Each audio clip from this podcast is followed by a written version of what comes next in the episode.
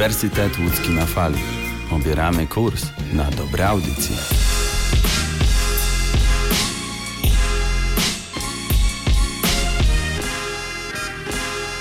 Cześć, trochę mnie tu nie było, więc mam nadzieję, że chociaż przynajmniej troszeczkę się za mną stęskniliście, a przede wszystkim stęskniliście się mm, za moimi gośćmi. W dzisiejszym odcinku forum porozmawiamy z osobą, kobietą, która o kulturze wie właściwie wszystko, ale jak się okazuje, to w naszym społeczeństwie równie dużo. Serdecznie zapraszam Jan Piekutowski.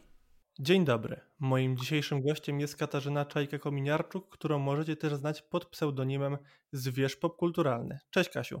Cześć. E, dzisiaj porozmawiamy sobie o świecie, który nas otacza, kulturze, ale na samym początku chciałem porozmawiać z Tobą o początkach, konkretnie Twoich początkach związanych z kulturą. Chciałem Cię bowiem zapytać o Twoje pierwsze świadome zetknięcie się z tą kulturą lub popkulturą. Co to było? Ojej, świadome zetknięcie się pierwsze z popkulturą. E, to przyznam szczerze, jeśli miałabym odnieść się do jakiegoś takiego wspomnienia, które mam, to jestem u moich rodziców, siedzę za krzesłem, a właściwie pod krzesłem, bo się boję i oglądam Gwiezdne Wojny i wychodzi Darth Vader, a ja się straszliwie boję Dartha Vadera, straszliwie, po prostu nigdy nikogo się tak nie bałam i siedzę pod krzesłem i moja mama mnie pyta, czy mam wyłączyć, ma wyłączyć film, skoro się tak boję, mówię, że nie, że chcę oglądać dalej. Która to była część? E, to była, wydaje mi się, że to było Imperium kontratakuje. Mhm, mhm. I właśnie ten strach sprawił, że zapamiętałaś to uczucie, czy, czy, czy co? Czy... Znaczy, e, zapamiętałam tą, tą scenkę głównie dlatego, że potem wydawało mi się, że wszyscy jakby dziećmi widzieli Gwiezdne Wojny. Że to jest tak, jak wszyscy znają te same piosenki, wszyscy chodzili do przedszkola, to wszyscy widzieli Gwiezdne Wojny. Byłam absolutnie przekonana i potem się okazało, że nie, że jednak wszyscy nie widzieli Gwiezdnych Wojen. I to było chyba też takie moje pierwsze zrozumienie, że to jak bardzo ja jestem zanurzona w kulturę popularną i to, to jak bardzo ona jest dla mnie znacząca od naprawdę najwcześniejszego dzieciństwa, nie jest oczywiste.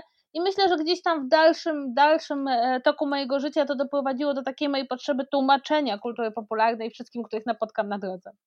No okej, okay, rozumiem. A z tymi Gwiezdnymi Wojnami zostałaś na dłużej, czy to była taka mm, jednorazowa właściwie przygoda z dzieciństwa, czy potem jeszcze jakoś głębiej analizowałaś to, co e, George Lucas wymyślił? Och nie, nie, Gwiezdne Wojny to jest, jest i było e, bardzo ważny element mojego e, popkulturowego życia, bo nie dość, że widziałam Gwiezdne Wojny, nie jestem w stanie zliczyć ile razy, to mhm. ja jestem jeszcze z tych roczników, że jak byłam w szkole podstawowej, załapałam się na prequele, więc to było dla mnie takie też trochę niesamowite, że jednak ta historia, którą ja znam jako klasyczną, jaką taką zakończoną, e, powraca do kin. E, także potem czytałam książki o Gwiezdnych Wojnach, bo tych książek wychodziło bardzo dużo i czytałam je, no, przeczytałam w życiu kilkadziesiąt książek e, z cyklu Gwiezdne Wojny, teraz to są e, Star Wars Legends. No i też potem, jak już weszły te nowe części, no to też wracałam do tych starszych i zastanawiałam się nad, nad tym, co, jakie elementy zagrały. Nie, to jakby Gwiezdne Wojny są takim stałym elementem mojego życia, do dzisiaj zresztą bo i wracam do oglądania Gwiezdnych Wojen i czasem wracam do czytania książek z tego cyklu. E, no i oczywiście też zawsze zastanawiam się, jaka jest przyszłość dla tej e, franczyzy, która, która wydaje mi się jest dosyć ciekawym zjawiskiem takiej, takiej baśni, która e, uwodzi kolejne pokolenia. No właśnie, jeżeli już zaczęłaś ten temat tego, co się obecnie z tymi Gwiezdnymi Wojnami dzieje, to z chęcią go pociągnę troszeczkę dalej, mm, bo mówisz, że zastanawiasz się nad tym, jaka przyszłość czeka tą franczyznę i ja przyznam, że tak samo to jest w pewnym sensie coś, co mnie zajmuje, bo wychowałem się poniekąd właśnie na tych e, prequelach, które były w mojej opinii bardzo dobre. Na przykład e, Zemsta Sithów, według mnie najlepsza część Gwiezdnych Wojen, chociaż wiem, że to nie jest do końca być może popularna opinia. Aczkolwiek te filmy, które pojawiły się teraz, te już disneyowskie, mm, mnie się nie do końca spodobało. Jak to jest u Ciebie? Ja przyznam szczerze, że te nowe filmy nawet lubię, chociaż mam takie poczucie, że one nie są do końca tym, czym były Gwiezdne Wojny za Lukasa, bo Lukas jednak mimo wszystko bardzo trzymał się swojej baśniowej, swojej takiej klasycznej narracji.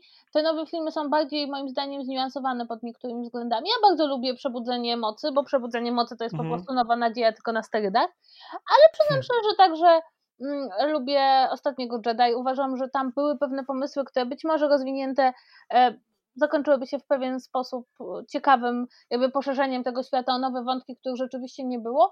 Natomiast e, problem jakby moim zdaniem największy i z tymi nowymi filmami i w ogóle z tym, co teraz dzieje się wokół Gwiezdnych Wojen, to to, że dla mnie ten świat działa na zasadzie pewnego niedoboru. Im więcej o nim nie wiemy, im więcej musimy sobie dopowiedzieć, uzupełnić, wykorzystać naszą wyobraźnię, żeby jakoś te luki, które tam się pojawiły, wypełnić, tym jest lepiej. Natomiast w sytuacji, kiedy dostajemy bardzo dużo i produktów, i filmów, i książek, i seriali, bo przecież jest Mandalorianin, to nagle jakby nie mamy przestrzeni na to, żeby pracować naszą własną wyobraźnią i to się po prostu banalizuje.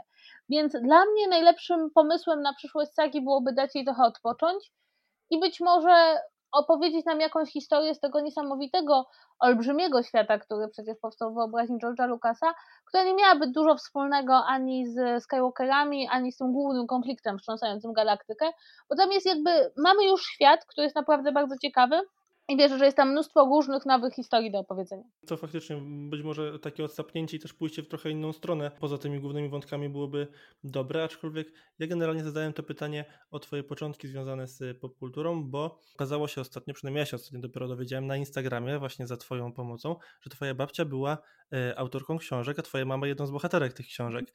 I czy to miało jakiś wpływ na to, że ty jesteś tak zafascynowana kulturą i popkulturą przede wszystkim? To znaczy nie, chyba, może tak. Tak, moja babcia Irena Landau jest autorką książek dla dzieci. Moja mama była bohaterką jednej z jej wczesnych książeczek a, i nigdy potem to się więcej nie zdarzyło. Moja mama nie mhm. cierpi tej książeczki, bo twierdzi, że, że wszystko było tam przekręcone. Natomiast nie, to raczej wpłynęło na to tak naprawdę najbardziej fakt, że mój tata jest kinomanem. Takim prawdziwym kinomanem, czyli osobą, która ogląda po prostu wszystkie filmy od bardzo popularnych po bardzo artystyczne. I kiedy byliśmy dziećmi, było jasne, że oglądamy filmy że to jest jedna z tych rzeczy, która jest bardzo ważna, że są pewne tytuły, które musimy zobaczyć, e, i te klasyczne, i te nowsze. I oglądanie filmów w mojej rodzinie było czymś ważnym, czymś stałym e, i czymś, co jakby było jasne, że się ogląda filmy. I to wydaje mi się był, była taka olbrzymia podstawa, taki jakby kapitał, który sprawił, że mogłam się rozwijać w kierunku właśnie tych zainteresowań e, kulturą popularną. Natomiast jeśli chodzi o pisanie mojej babci, to powiem szczerze, że ten element w ogóle tego, że się pisze książki, ponieważ książki pisze moja babcia, mój dziadek, moja mama, mój tata, ogólnie moja rodzina zajmuje się pisaniem książek, głównie naukowych, ale jednak mimo wszystko pisaniem, sprawiło, że te dwie, to, żeby pisać, wydało mi się oczywiste. To znaczy, jeśli chcesz przekazać komuś coś, co myślisz, to musisz to napisać. E, I wydaje mi się, że to była jedna z tych kluczowych rzeczy, że zainteresowanie kulturą popularną wyszło od takiego kinofilstwa mojego taty, natomiast wizja, że będę pisać książki i że będę pisać bloga, wyszła z tego, że jak obserwowałam, czym się zajmują ludzie wokół mnie, to zajmowali się pisaniem. Okej, okay, a powiedz mi, mm, jak wy oglądaliście filmy? Bo to też jest coś, wydaje mi się, bardzo ciekawego i mocno zależnego w zależności od y, rodziny, która dany film ogląda, bo na przykład spotkałem się z opinią mm, Krzysztofa Zanowskiego, że filmy należy oglądać tylko i wyłącznie w zupełnym skupieniu i na przykład jakiekolwiek robienie czynności pobocznych, nawet jedzenia czy picia czegokolwiek jest wykluczone. U Was też był taki rygor, czy jednak mieliście taki względny luz, jeżeli chodzi o oglądanie tych filmów? To znaczy po prostu było jasne, że wieczorem leci film. Um, bardzo często moje, moja mama przychodziła robić na drutach, bo ona nie ma tyle cierpliwości, żeby oglądać filmy nie robiąc na drutach, e, czy, czy nie grając w jakąś grę. E, ja potem, jak byłam starsza, to na przykład było tak, że jeśli leciał jakiś film, który nie wymagał ode mnie wielkiego zaangażowania, nie wiem, oglądaliśmy wszystkie Bondy od początku, to bardzo często też odrabiałam przy nich lekcje. Mm, ale często po prostu siedzieliśmy przy stole w dużym pokoju i rozmawialiśmy, czasem jedliśmy, czasem piliśmy herbatę, bo u mnie w domu to było obowiązkowe, że jakiś film to jest herbata. E. Czasem zdarzało się też, że powiedzmy, były to czasy, kiedy nie można było jeszcze spauzować po prostu filmu. To zdarzało się, że pewne komentarze dotyczące historii produkcji, aktorów, bo tym też się mój tata zawsze interesował, czy jeśli oglądaliśmy film historyczny dotyczący tego, czym ta rzeczywistość na ekranie odróżniała się od prawdziwej historii, bo moi rodzice są historykami, no powstawały w trakcie filmu, więc dla mnie oglądanie filmu było zawsze takim doświadczeniem, że nie chodzi tylko o to, żeby właśnie w pełnym skupieniu obejrzeć film, ale też, że filmowi bardzo często towarzyszył jakiś komentarz. I myślę, że do dzisiaj jest we mnie taka potrzeba, że jak oglądam filmy, to często pauzuję i sprawdzam na przykład filmografię aktora, albo sprawdzam, kto robił kostiumy, albo jeśli oglądam film historyczny, to pauzuję i czytam w Wikipedii dane hasło na dany temat. Więc mam wrażenie, że od samego początku jakby to oglądanie filmów wspólne było bardzo mocno zakorzenione i w dzieleniu się swoimi emocjami, ale także informacjami, które mogą pomóc w lepszym zrozumieniu. W ten sposób też pewnie łączyliście mm, różne y, gatunki popkultury, bo nie tylko film, ale też właśnie na przykład czytanie o tych kostiumach czy, czy o czymś innym też zahacza o inne tematy i właśnie czy stąd się wzięło to, że ty się nie skupiasz tylko i wyłącznie na filmach, tylko też mówisz o masie, naprawdę masie innych rzeczy związanych z popkulturą, czy, czy skąd właściwie jest w tobie ta multifunkcyjność w tej kwestii? Wydaje mi się, że to w ogóle wynika z takiego mojego poczucia, że kiedy mówimy o kulturze, to zawsze mówimy o pewnym systemie naczyń powiązanych. To znaczy, e, jeśli mówimy o pewnych trendach kinematografii, to one zwykle odbijają pewne trendy także w innych przestrzeniach kultury, że to jest pewne sprzężenie zwrotne. Wydaje mi się, że tak naprawdę to wychodzi wszystko najbardziej, z, i tutaj ponownie z mojego wykształcenia, jestem socjolożką z wykształcenia i bardzo, jeśli człowiek studiuje socjologię, to bardzo szybko się uczy, że każde zjawisko ma swoje korzenie w jakimś innym zjawisku i to wszystko jest ze sobą powiązane.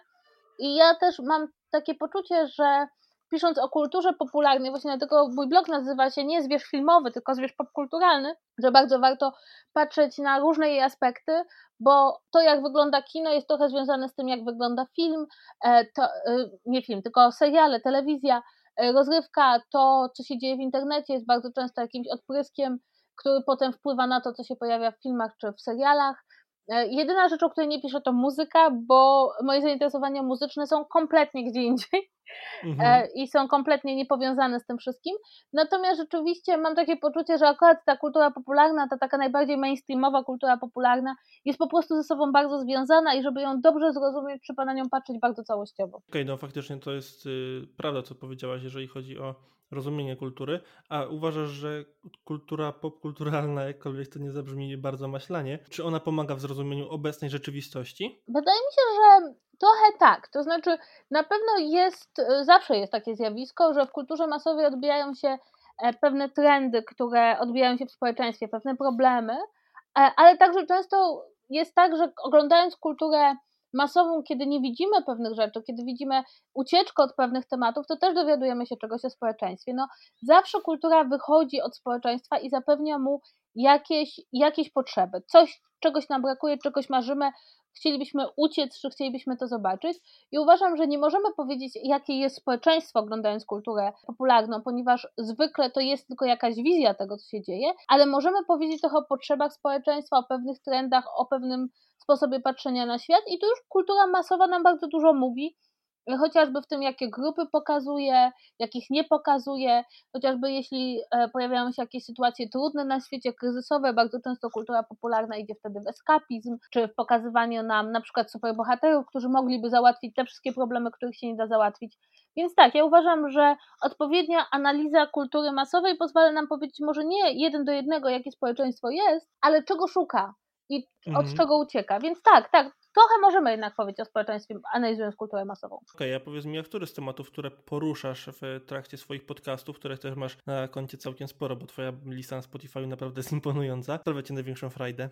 No obecnie największą, największą frajdę sprawia mi podcast W tym piosenka, mhm. w którym analizujemy filmowe musicale razem z Patrycją Muchą. I to jest taki podcast, który jest taki stricte filmowy, żeby nie powiedzieć, że zahacza na podcast filmoznawczy, bo Patrycja jest filmoznawczynią.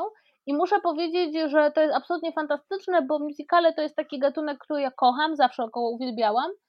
I mam poczucie, że bardzo wiele osób nie rozumie do końca tego gatunku, nie widzi jego potencjału, a także po prostu te filmy mają bardzo często ciekawą historię powstania i też są mm, ciekawym przykładem takiej, takiego przejawu kultury masowej, który wymaga bardzo daleko idącego zawieszenia niewiary i zatopienia się w takim alternatywnym świecie.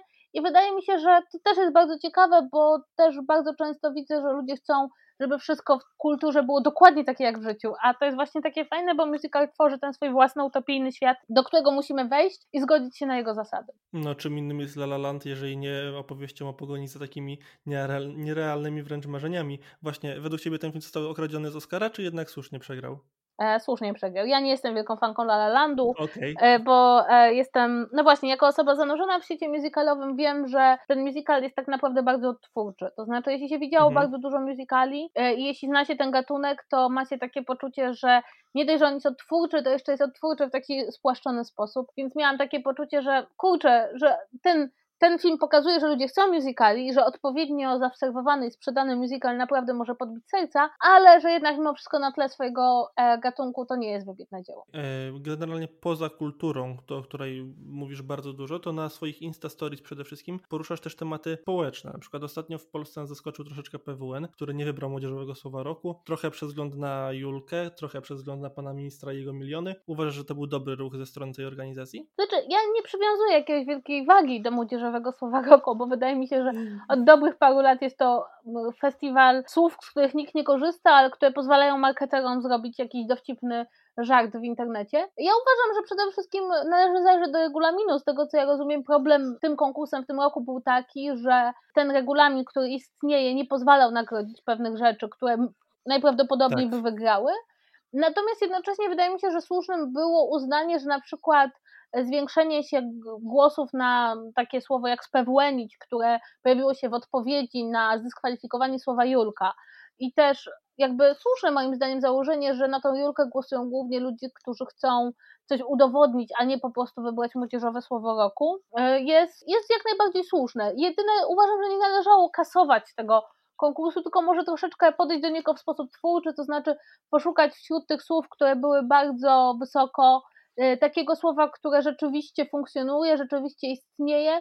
I ogólnie mam poczucie, że problemem tego całej tej imprezy jest to właśnie głosowanie e, wychodzące z internetu, bo to, to się nie sprawdza obecnie. Ludzie mają mnóstwo różnych interesów w ogóle niezwiązanych z, no, z takim próbą znalezienia młodzieżowego slangu, e, więc wydaje mi się, że trzeba było po prostu wybrać jakieś słowo, które rzeczywiście realnie istnieje w języku młodzieżowym jakoś by oddawało atmosferę i język tego roku, który minął. Język tego roku jest dość językiem specyficznym, nie ma co się oszukiwać i chcecie o to zapytać tak naprawdę, czy hasła, którymi posługuje się protest kobiet, to są hasła do Ciebie przesadzone, czy ten język jest e, absolutnie dostosowany do sytuacji, którą zastaliśmy? No dla mnie on jest dostosowany do sytuacji, no to znaczy powiem szczerze, moment, w którym e, będąc obywatelką kraju, E, orientuję się, że moje prawa jako jednostki zostają ograniczone ze względu na ideologiczne przesłanki części osób, które mają mi być narzucone, bo wynikają z ich światopoglądu, to powiem szczerze, że moja reakcja jest reakcją absolutnie już pomijając smutek, jaki mnie ogarnął, jest reakcją agresywną, dlatego że w tym momencie ktoś zabiera mi moją wolność. To jest rzecz jakby najbliższa każdej jednostce, jej wolność, jej możliwość stanowienia o sobie, jej możliwość wyboru. Kiedy ktoś to zabiera, to oprócz poczucia smutku i żalu rodzi się gniew, dlatego że mimo wszystko żyjemy w kraju demokratycznym i wizja, że kraj demokratyczny może w pewnym momencie przyjść i powiedzieć, a teraz będziesz cierpieć w imię poglądów części obywateli, wydaje mi się absolutnie przerażająca. I dla mnie ten główny okrzyk e, hasła kobiet to jest hasło takiego absolutnego, totalnego sprzeciwu, takiego zabierzcie się ode mnie. I ja bardzo mhm. chciałabym, żeby, żeby się zabrali ode mnie, tak? Żeby, bo ja, ja im nic nie robię. To tylko oni robią to mnie i tylko oni ograniczają moją wolność. I to też jest przerażające, no nie ukrywajmy, że jest to, ten światopogląd jest związany z bardzo konkretnym wyznaniem i nagle zachowujemy się tak, jakby wszyscy obywatele danego kraju musieli to wyznanie podzielać, a to nie, to nie jest obowiązkowe. Ja nie muszę podzielać światopoglądu wynikającego z wyznania części obywateli. No tak, i generalnie to hasło mam wrażenie, że ono w kontekście tej sytuacji nie jest do końca wulgaryzmem sensu stricto, tylko jest po prostu właśnie przesłaniem, okrzykiem być może y, milionów kobiet w Polsce, które nie godzą się na, na tą sytuację. I jeszcze jest coś, co mnie personalnie boli w tej całej kwestii to fakt, że niektórzy wciąż przekonują, że y, gdyby ten proces miał łagodniejszą formę, to osiągałby lepsze efekty. Wierzysz w takie opowieści? Nie. Przyznam szczerze, że nie. To znaczy, przyznam szczerze, że moim zdaniem to wynika z, z dwóch rzeczy. Pierwsze to z bardzo wpajanym ludziom przekonania, że kobiety ogólnie powinny być ciche, grzeczne i miłe i tylko prosić Oczywiście. o to, żeby dawać im jakieś prawa, a nie żądać tych praw. A druga rzecz to jest bardzo mocno zakorzenione i to już nie, bez względu na płeć przekonanie, że należy być takim szlachetnym, cierpiącym bohaterem hmm. narodowym, e, to mesjanizm bardzo mocno nam wchodzi, to znaczy oni nas biją, a my pokornie składa, e, pochylamy głowę. A ja chcę powiedzieć, że nie, że jakby jestem historyczką też z wykształcenia i chciałabym powiedzieć, że nie, że historia pokazuje, że prawa, o prawa się walczy, a nie prosi. I te protesty moim zdaniem osiągnęły olbrzymi sukces, także dlatego, że skanalizowały w sobie wściekłość bardzo wielu osób, bo przecież to się zaczęło od praw kobiet, ale obecnie nawet jeśli te głosy się podnoszą, to one nie dotyczą tylko praw kobiet, one dotyczą w ogóle ludzi, którzy czują się w jakiś sposób ograniczani w kraju i jakby one powiedziały, słuchajcie, to jest miejsce, gdzie, gdzie mówimy, bo jesteśmy źli, bo mamy dosyć. I wydaje mi się, że gdyby to była pokorna prośba, to to by nie przyniosło lepszego efektu. Zresztą powiedzmy sobie szczerze, to jest też trochę tak, że były już próby robienia tego grzeczniej, były już próby robienia tego pod hasłami takimi jak myślę, czuję, decyduję. I to w żaden sposób nie przyniosło żadnego efektu. To nie jest tak, że kobiety przyszły i zaczęły krzyczeć e, wulgaryzmy od razu. Nie, było bardzo dużo, od kilku lat było bardzo dużo, czy właściwie od lat 90. nawet, pokojowych, grzecznych protestów i co i figa, zabierają nam prawa kawałek po kawałeczku. Więc nie, więc ja mam wrażenie, że to jest raczej oddanie się takiemu typowemu hasłu w Polsce, że należy prawda, osiągnąć zwycięstwo moralne, a nie to prawdziwe, czyli tam, kiedy udaje się prze, przeforsować Twoje postulaty. Właśnie to jest najbardziej zastanawiające, że w takim kraju jak Polska, który pod względem historycznym naprawdę większość rzeczy musiał sobie po prostu wyszarpać, a nie wyprosić u kogoś, to jest dość mm, no, dziwna sytuacja, że krytykuje się ludzi właśnie za to, że walczą o, o swoje prawa, a nie coś, co po prostu przyszło im nagle do głowy. W każdym razie wierzysz, że coś się może w niedługim czasie zmienić pozytywnie, jeżeli chodzi o Polskę. Nie mówię o następnym roku, ale na przykład za 2-3 lata, że to podejście y, już nie połowy społeczeństwa, ale ponad połowy społeczeństwa ulegnie zmianie i faktycznie uda się wypracować model społeczeństwa dojrzałego pod względem takim emocjonalnym w stosunku do drugiego człowieka? Myślę, że 2-3 lata to jest bardzo mało. Tak naprawdę z perspektywy jakiejkolwiek zmiany społecznej. Myślę, że to pokolenie, które dzisiaj dorasta, milenialców, ale zwłaszcza to pokolenie Z, to pokolenie dużo moim zdaniem bardziej świadome niż byli nawet milenialsi, tego, że świat idzie w pewną stronę i jeśli czegoś nie zrobimy, to przyszłości nie będzie, e, może, może być zmianą. Polska jest najbardziej sekularyzującym się krajem w Europie. Jest także i będzie krajem, który na pewno przeżyje bardzo mocno kryzys gospodarczy związany z e, pandemią. I ja jestem z tego nurtu myślenia o społeczeństwie, który mówi, że tak naprawdę wielkie zmiany społeczne są zawsze powiązane z kwestiami gospodarczymi, tak naprawdę. Bo jeśli człowiekowi dobrze się żyje, to trochę nie myśli o tym, ile mu wolności zabierają, a ile dają, Gorzej, kiedy się okazuje, że nie żyje mu się już tak dobrze. Więc ja myślę, że nie czeka nas ta zmiana w najbliższych latach, ale mhm. gdybym miała przewidywać, to Polska za 10-20 lat będzie Polską zupełnie innych obywateli. E, I to i ja, ja na to bardzo czekam, bo mam wrażenie, że to młode pokolenie zaangażowane nie tylko w walkę o prawa kobiet, ale także na przykład w walkę związaną ze zmianami klimatycznymi jest dużo bardziej świadome niż ja kiedykolwiek byłam. Nie, nie, nie miało w swoim życiu czegoś, co ja, myśmy mieli takiego poczucia, że wszystko będzie dobrze, a to poczucie na przykład towarzyszyło mhm. na początku lat 2000, kiedy Polska wchodziła do Unii, wchodziła do NATO, e, wchodziła do Europy, więc ja na nich czekam i myślę, że oni mogą naprawdę zmienić oblicze Polski i bo oni to już, to już nie są dzieci, mówię dzieciaki, bo jestem starsza, ale to nie jest już są młodzi ludzie, którzy, których perspektywa jest krajowa, ich perspektywa jest globalna i, I mam takie, ja wierzę, że oni będą już tak inni od tych wcześniejszych pokoleń, że są naprawdę w stanie zmienić charakter społeczeństwa polskiego i tego kraju.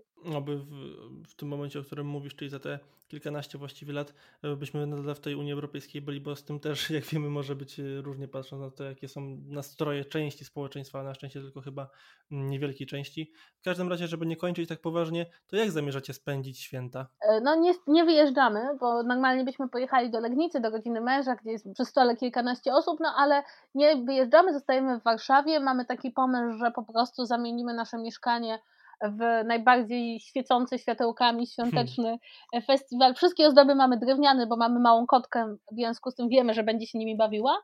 No a na całe szczęście moi rodzice mieszkają dosłownie dwa kroki na piechotę, więc możemy do nich wpaść na, na Wigilię, a potem od pierwszego dnia świąt będziemy po prostu siedzieć i oglądać filmy. Mamy już spis filmów, głównie musicali, które chcemy obejrzeć przez święta e, i też chcemy zrobić wielkie gotowanie i zrobić coś, co każdemu się chyba marzy od dzieciństwa, czy ugotować tylko te potrawy, które się lubi. O, e, jak I potem je, tak, i potem je jeść po prostu w zdecydowanie niezdrowych ilościach, aż do, aż do nowego roku. No dobra, to w takim razie jedna potrawa, którą obowiązkowo każdy musiałby zjeść w te święta i jeden film, który polecisz każdemu, zupełnie każdemu, jeżeli chodzi o taką świąteczną atmosferę. E, Albo nie świąteczną atmosferę, wybieraj. Jeśli chodzi o jedną potrawę, to mi się wydaje, że no nie, może, nie może się obyć święta bez pierogów z kapustą i grzybami i wydaje mi się, że można zrobić zrobienia pierogów bardzo przyjemny moment e, przygotowań przedświątecznych. A jeśli chodzi o film, to ja polecam swojego serca, bo ja, ja zawsze będę polecać musicale, bo uważam, że to jest mój obowiązek. Słuchajcie, spotkajmy się w St. Louis. Musical z 44 roku, więc wydaje się bardzo stary, ale jest absolutnie żywy i prze, przesympatyczny. Opowiada o życiu o jednym roku w życiu jednej takiej dosyć przeciętnej rodziny, e, która czeka na otwarcie wystawy światowej w St. Louis. E, jest bardzo zabawny, są przecudowne piosenki, w tym Have Yourself a Merry Little Christmas, śpiewany przez wspaniałą Judy Garland. Przyjemny, mhm. ciepły, zabawny, naprawdę bardzo zabawny film, który każdego wprowadzi w świąteczną atmosferę. No i to jest rekomendacja, pod którą ja być może się podpiszę, bo jeżeli tak mówisz, to odpalę ten film, zobaczymy. Mam nadzieję, że się nie rozczaruję Twoim wyborem i będę mógł Ci potem zaufać jeszcze parę, parę razy. Dziękuję Ci bardzo, rozmawialiśmy prawie pół godziny, mam nadzieję, że się nie zmęczyłaś bardzo. Nie, absolutnie nie, to była no. bardzo miła rozmowa. O to dziękuję Ty bardziej i do usłyszenia jeszcze mam nadzieję. Do usłyszenia.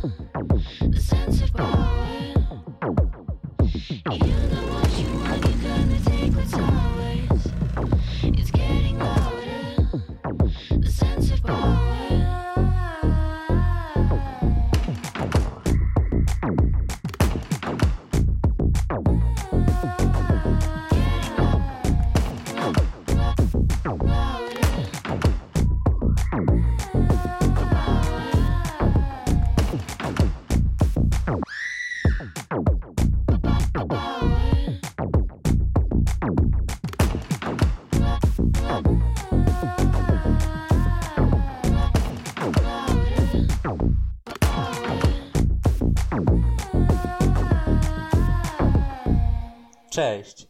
Liczyliśmy na Waszą obecność i cieszymy się, że możemy dziś opowiedzieć Wam o kolejnej, niepowtarzalnej postaci. Jak obiecaliśmy, dziś będzie to świetny reżyser. Eryk i Natalka zaczynają.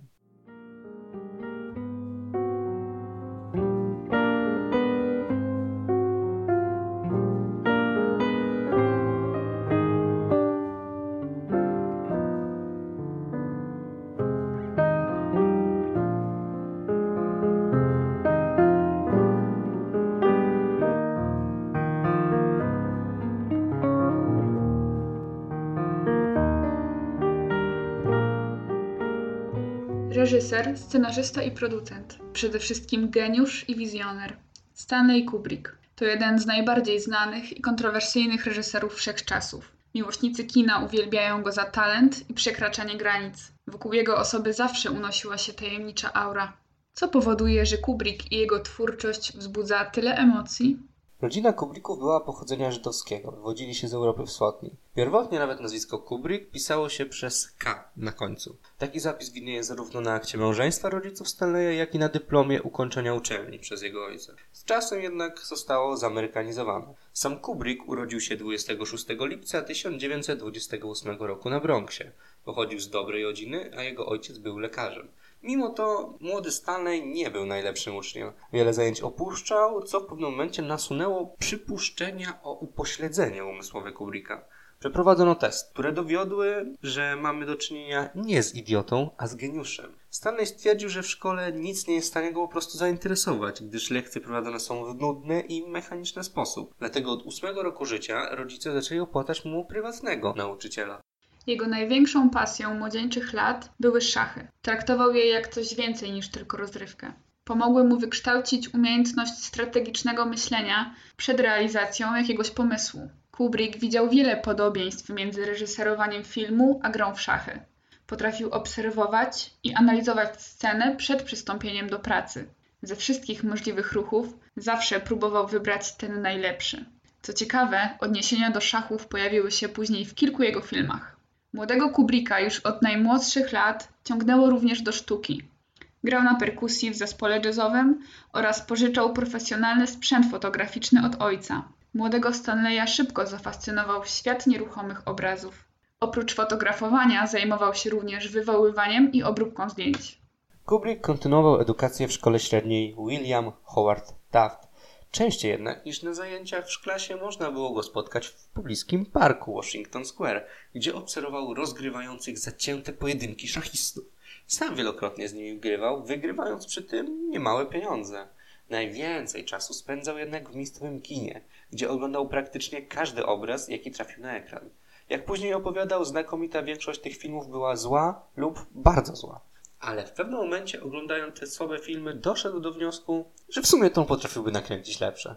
W wieku 17 lat podjął pracę fotografa w magazynie Look. Rozpoczął od zrobienia zdjęcia zasmuconego kioskarza otoczonego nagłówkami gazet informujących o śmierci Franklina Delano Roosevelta. Zdjęcie to ukazało się na pierwszej stronie magazynu. W szkole średniej poznał Aleksandra Singera, również przyszłego reżysera, między innymi Star Treka. Ich wspólne rozmowy ostatecznie zachęciły Stanleya do poświęcenia się w przyszłości reżyserii.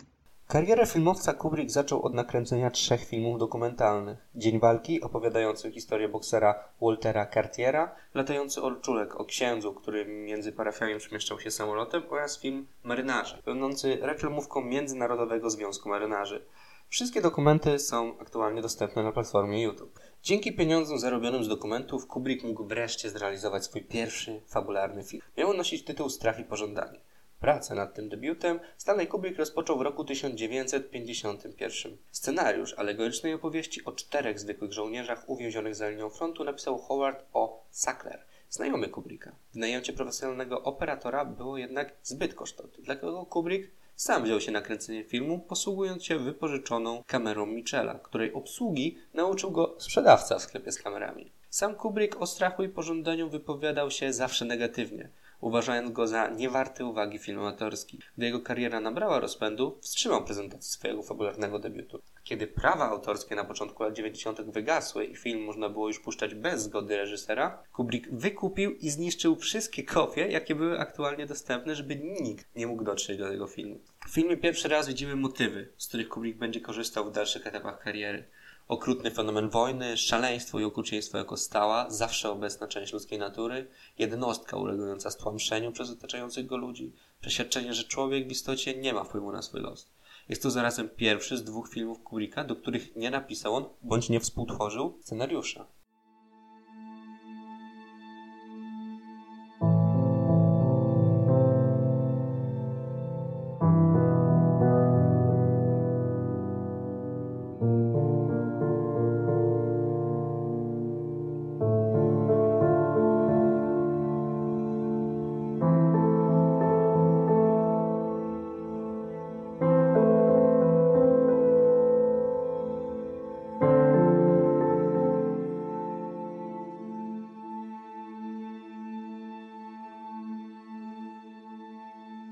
Kolejnych latach reżyser nakręcił Zabójstwo oraz Pocałunek mordercy. Filmy, które nie osiągnęły rozgłosu, ale dawały przesłanki, że odpowiada za nie wybitny reżyser. Od początku twórczości Kubrick wyróżniał się perfekcjonizmem i ścisłą kontrolą nad wszystkimi aspektami filmu. Czuwał nad reżyserią, produkcją, nawet dystrybucją. Niektórzy podejrzewali, że ta obsesja wzięła się z jego zamiłowania do szachów. Kubrick szybko zasłynął jako reżyser despotyczny, trudny we współpracy i kontrolujący każdy detal. Sam reżyser tłumaczył swoją postawę tym, że chciał, aby jego filmy były dokładnie takie, jakie sobie wyobrażał. Mówił, że zależało mu, by wszystko się powiodło i nie widział niczego złego w braku elastyczności we współpracy z zespołem. Kiedy Kubrick kręcił film, wiedział dokładnie, jakiego efektu końcowego oczekuje. Jego wizje nie były zbyt przychylnie postrzegane przez cenzurę, szczególnie w przypadku filmów przekraczających pewne granice. Pierwsza produkcja, która przyniosła reżyserowi rozgłos, to film Ścieżki Chwały. Pomysł na ekranizację książki Humphreya Coba wpadł Kubrickowi przypadkiem. Powieść znalazł w poczekalni gabinetu lekarskiego ojca, gdzie zgubił ją jeden z pacjentów. Film miał na początku problem z dopięciem funduszy i zainteresowała się nim światowa gwiazda Kirk Douglas. Był on zdania, że film warto zrobić, choć uważał, że nie przyniesie on zysków. Kubrick, żeby zwiększyć komercyjny potencjał materiału, postanowił podczas filmowania zmienić zakończenie. W nowej wersji trzech żołnierzy w ostatniej chwili ułaskawiano. Ta zmiana rozsierdziła Douglasa, który zwymyślał reżysera na planie. Również tutaj perfekcjonizm Kubricka dał się wszystkim we znaki. Podczas kręcenia scen bitewnych zużyto takiej ilości środków wybuchowych, że Kubrick musiał się postarać o specjalne zezwolenie Ministerstwa Spraw Wewnętrznych RFN-u, żeby taką ilość w ogóle dostać. A scenę, w której trzej skazańcy dostają ostatni posiłek, smażoną kaczkę, powtarzano w sumie 68 razy. I jeśli aktorzy zaczęli ją jeść, trzeba było podać kolejną kaczkę. Film zebrał pozytywne oceny krytyków, choć antywojenny wydźwięk obrazu nie wszystkim przypadł do gustu. Ścieżki chwały ocenzurowano w niektórych europejskich krajach, a w rządzonej przez generała Franco Hiszpanii przesłanie nie spodobało się cenzorom na tyle, że zablokowali film na kilkadziesiąt lat. 1960 rok. Jest wieczór. Stanley Kubrick gra w pokerę ze znajomymi, gdy nagle otrzymuje telefon od właśnie Douglasa. Aktor, z którym współpracował przy ostatnim filmie, zwolnił reżysera i na CITO potrzebował jakiegoś zastępstwa. Kubrick zgodził się i już następnego dnia zjawił się na planie. Tym filmem był Spartacus. To pierwsza tak wysokobudżetowa produkcja, w którą mógł się zaangażować reżyser. Oczywiście nie obyło się bez incydentów. Już od pierwszego dnia Kubrick chciał integrować w scenariusz, ponadto toczył ciągłe boje o sposób kadrowania, oświetlenia i filmowania poszczególnych scen oraz używane obiektywy.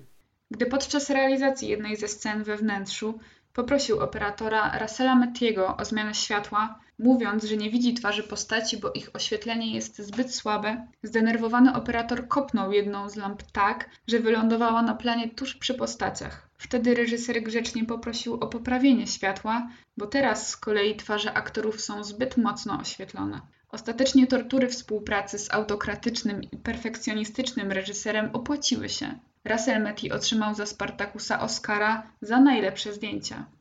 Kubrick Spartakusa ocenił jako film zbyt uproszczony i moralizatorski. Nie podobało mu się również przedstawienie głównego bohatera, jako jednostki pozbawionej wad i słabości, o co nieustannie kłócił się na planie z Douglasem. Po pewnym czasie Kubrick zaostrzył swoje stanowisko wobec Spartakusa, kompletnie wyrzekając się tego filmu. Była to ostatnia praca na podstawie cudzego pomysłu i scenariusza, jaki się w karierze podjął. Od tej pory realizował wyłącznie autorskie pomysły i scenariusze. Kolejnym filmem Kubricka, już w pełni autorskim projektem, była ekranizacja powieści Nabokowa pod tytułem Lolita. Panowie szybko znaleźli wspólny język, ponieważ obaj byli zapalonymi szachistami. Autor książki napisał nawet scenariusz i dostarczył materiał na siedmiogodzinny film. Scenariusz drastycznie skrócono, a pisarz wyznał później, że gdyby wiedział, jak wielkim zmianom ulegnie dostarczony przez niego tekst, nie zgodziłby się na jego napisanie. Kubrick zaś oznajmił, że gdyby tylko miał świadomość, jakie ograniczenia narzucą mu cenzorzy, pewnie nie podjąłby się pracy nad ekranizacją tej książki. Gdy tylko ogłoszono casting, reżyser został zasypany listami od ojców i matek. Był przekonany, że zostanie osądzony od czci i wiary, tymczasem ze zdumieniem odnotował, że wielu rodziców marzy, by ich pociechy zagrały w jego filmie i starali się go przekonać hasłami Moja córka to urodzona Lolita.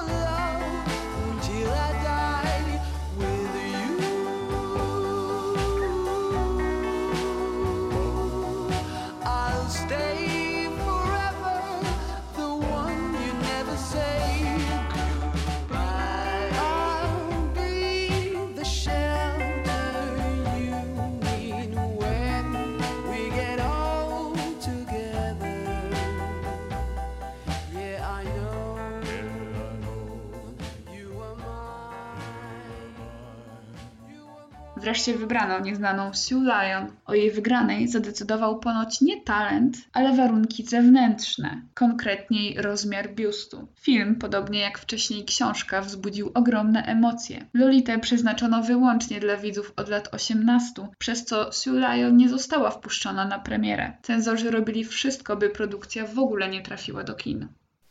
Na przełomie lat 50. i 60. XX wieku Nowy Jork był postrzegany w Ameryce jako jeden z głównych celów radzieckiego ataku w razie wybuchu wojny nuklearnej. Kubrick, będąc żywo zainteresowany tematem konfliktu atomowego, posiadał w swojej bibliotece sporo książek na ten temat. Między innymi była tam thriller Red Alert Petera George'a. To opowieść o szalonym generale, który na własną rękę postanawia wszcząć konflikt nuklearny pomiędzy Związkiem Radzieckim i Stanami Zjednoczonymi. Według pierwotnych założeń film Dr. Strangelove miał być projekcją w stylu co by było gdyby. W efekcie dramatyczny scenariusz przerodził się jednak w przezabawną satyrę. Po premierze zmieniono procedury udzielania dostępów do kodów nuklearnych, tak by fikcja nie stała się przypadkiem rzeczywistością. Do roli generała Turgitsona Kubrick wybrał George'a Scotta. Aktor był znany z wybuchowego charakteru i niezbyt chętny do współpracy z reżyserami. Kubrick utrzymał go jednak w ryzach w niezwykle prosty sposób. Wiedząc, że Scott jest świetnym szachistą, na początku zdjęć wyzwał go na szereg partii szachów i wszystkie wygrał, co wzbudziło taki podziw Scotta, że ten bez wahania spełniał wszystkie polecenia reżysera. Kubrick skorzystał również z usług Petera Sillersa. Zagrał on w filmie aż trzy role, za każdym razem posługując się innym akcentem. Tytułową majora Rafa i prezydenta USA. Film wzbudził również zainteresowanie CIA i Pentagonu.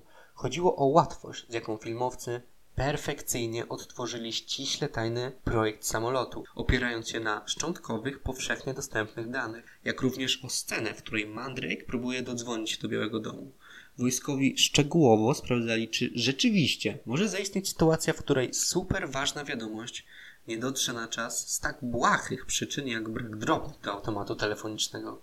Po ogromnym sukcesie filmu Doctor Strangelove, Kubrick postanowił nakręcić wysokobudżetowe, ambitne kino science fiction. 2001 Odyseja Kosmiczna to historia o człowieku w kosmosie, rozpoczynająca się zaskakującym prologiem w czasach prehistorycznych, kiedy to nastąpił przełom w ewolucji rodzaju ludzkiego.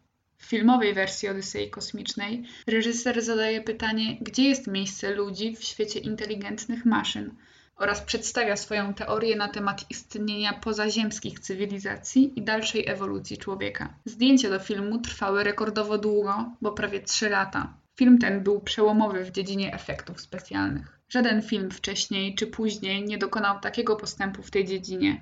Kubrick uznał, że ówczesny poziom efektów jest niewystarczający i na potrzeby filmu wymyślono ponad 200 trików. Właśnie za Odyseję Kosmiczną Stanley Kubrick otrzymał jedynego w karierze Oscara za opracowanie efektów wizualnych. W związku z tym genialnym filmem pojawia się jednak teoria spiskowa. Film powstaje w 1968 roku, w środku zimnej wojny. Stany Zjednoczone publicznie zapowiedziały, że chcą wylądować na Księżycu. W międzyczasie do kin trafił film dziejący się w kosmosie i przedstawiający tę nieznaną rzeczywistość bardzo realistycznie. Dlatego mówi się, że do lądowania na Księżycu w roku 69 w ogóle nie doszło, a amerykański rząd oszukał cały świat i słynne słowa Nila Armstronga padły nie na Srebrnym Globie, lecz w studiu filmowym. Jedna z wersji tej historii głosi, że za reżyserię tej wielkiej mistyfikacji odpowiadał właśnie Stanley Kubrick, zatrudniony przez NASA. I może należałoby wrzucić tę teorię między bajki, gdyby nie to, że współpraca Kubricka z NASA jeszcze powróci. Pewne natomiast jest, że film był idealnym marketingiem do zainteresowania Amerykanów podbojem kosmosu, który miał mieć miejsce w przyszłym roku. Bezpośrednio po ukończeniu pracy nad Odyseją Kubrick przystąpił do pracy nad filmem, który uważał za dzieło swojego życia biografię Napoleona. Ściągnął ze Stanów Zjednoczonych i Europy setki różnych książek poświęconych cesarzowi. Nawiązał również współpracę ze słynnym badaczem dziejów Napoleona, profesorem Felixem Parkamem. Główną rolę w filmie miał zagrać Jack Nicholson. Przygotowanie Kubricka do pracy nad scenariuszem było czymś niespotykanym w świecie kina. Współpracownicy reżysera wspominają ogromną szafę podzieloną na setki szuflad, w której szczegółowe informacje o życiu Napoleona były pogrupowane z podziałem na pojedyncze dni. Także Kubrick mógł w każdej chwili sprawdzić, co cesarz robił na przykład 12 września 1808 roku. Współpracownicy Kubricka nawiązali kontakty z rządem rumuńskim. Odnaleźli na terenie Rumunii odpowiednie plenery, zapewnili sobie wynajęcie tysięcy żołnierzy armii rumuńskiej jako statystów do scen bitewnych. Rząd Rumunii, aby móc dostarczyć potrzebną liczbę żołnierzy, zaplanował nawet dodatkowy przymusowy pobór. O tym, że pracę nad Napoleonem bezterminowo zawieszono, zdecydował przypadek. W tym czasie wszedł na ekrany film Waterloo, opowiadający historię legendarnej bitwy. Film ten, mimo bardzo dobrej obsady, okazał się klęską kasową, co spowodowało, że producenci Napoleona wycofali swoje fundusze w obawie przed kolejną klęską. Do końca życia Kubrick kilkukrotnie próbował wrócić do projektu, jednak bez powodzenia.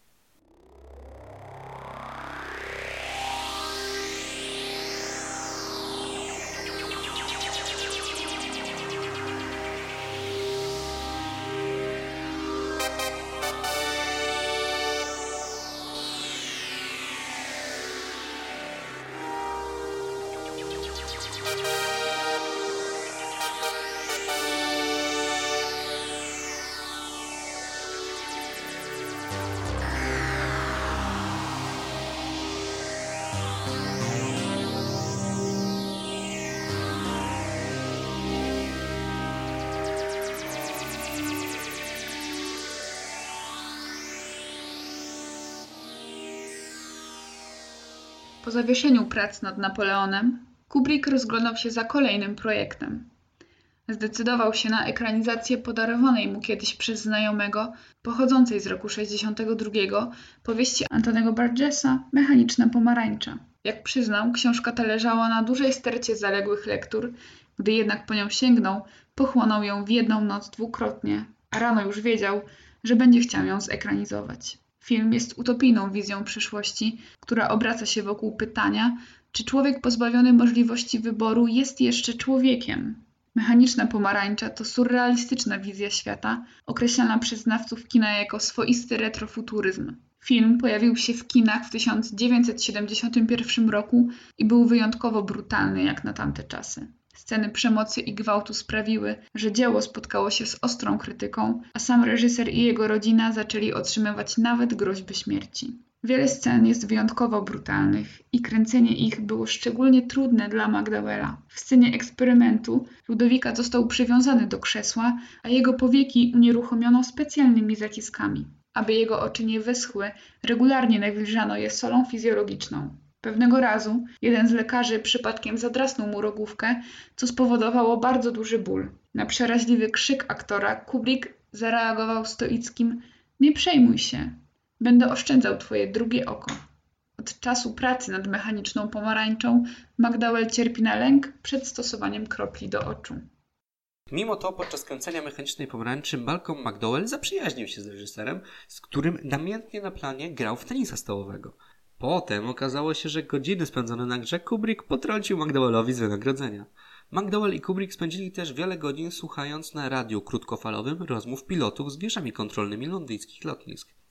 Rozmowy te jednak wywołały taki lęk u aktora przed lataniem, że po zakończeniu nie był w stanie podróżować tym środkiem komunikacji. Po zakończeniu prac nad mechaniczną pomarańczą Kubrick bez słowa zerwał kontakty w ogóle z aktorem. W pewnym momencie Kubrick zapytał na planie McDowella, czy ten umie tańczyć. Gdy aktor zaprzeczył, reżyser spytał, czy umie śpiewać, na co ten odpowiedział twierdząco. Kubrick polecił więc McDowellowi, żeby podczas sceny gwałtu zaśpiewał jakąś piosenkę. Malcolm zaśpiewał jedyną piosenkę, jakie słowa znał. Gdy Stanley Kubrick przedstawił ukończony film komisji klasyfikacyjnej, okazało się, że z uwagi na scenę seksu Alexa z dwiema dziewczynami, film otrzymał w Stanach Zjednoczonych kategorię X, przeznaczoną dla filmów pornograficznych. Zasadniczym motywem filmu jest jedna z fundamentalnych kwestii kina Kubricka. Pytanie, czy dobro i zło można komuś narzucić. Czy zło może być przez człowieka odrzucone, czy też stanowi trwałą część jego natury. Kubrick stawia tezę, że zło stanowi tak trwałą część ludzkiej natury, że możliwość świadomego wyboru zła jest w istocie miarą człowieczeństwa. Wiedzę epoce oświecenia zgromadzoną na potrzeby filmu o Napoleonie Kubrick postanowił spożytkować na ekranizację powieści Dole i Niedole szanownego Barego Lyndona. Film ostatecznie nosił tytuł Barry Lyndon. Ekranizacja była realizowana w naturalnych plenerach, starych XVIII-wiecznych zamkach i posiadłościach na terenie Wielkiej Brytanii. Żeby możliwie najdoskonalej oddać klimat XVIII-wiecznej Europy, Kubrick postanowił, że planu nie będzie oświetlał światłem elektrycznym, lecz będzie filmował ujęcia we wnętrzach przy świetle świec i naturalnym świetle słonecznym.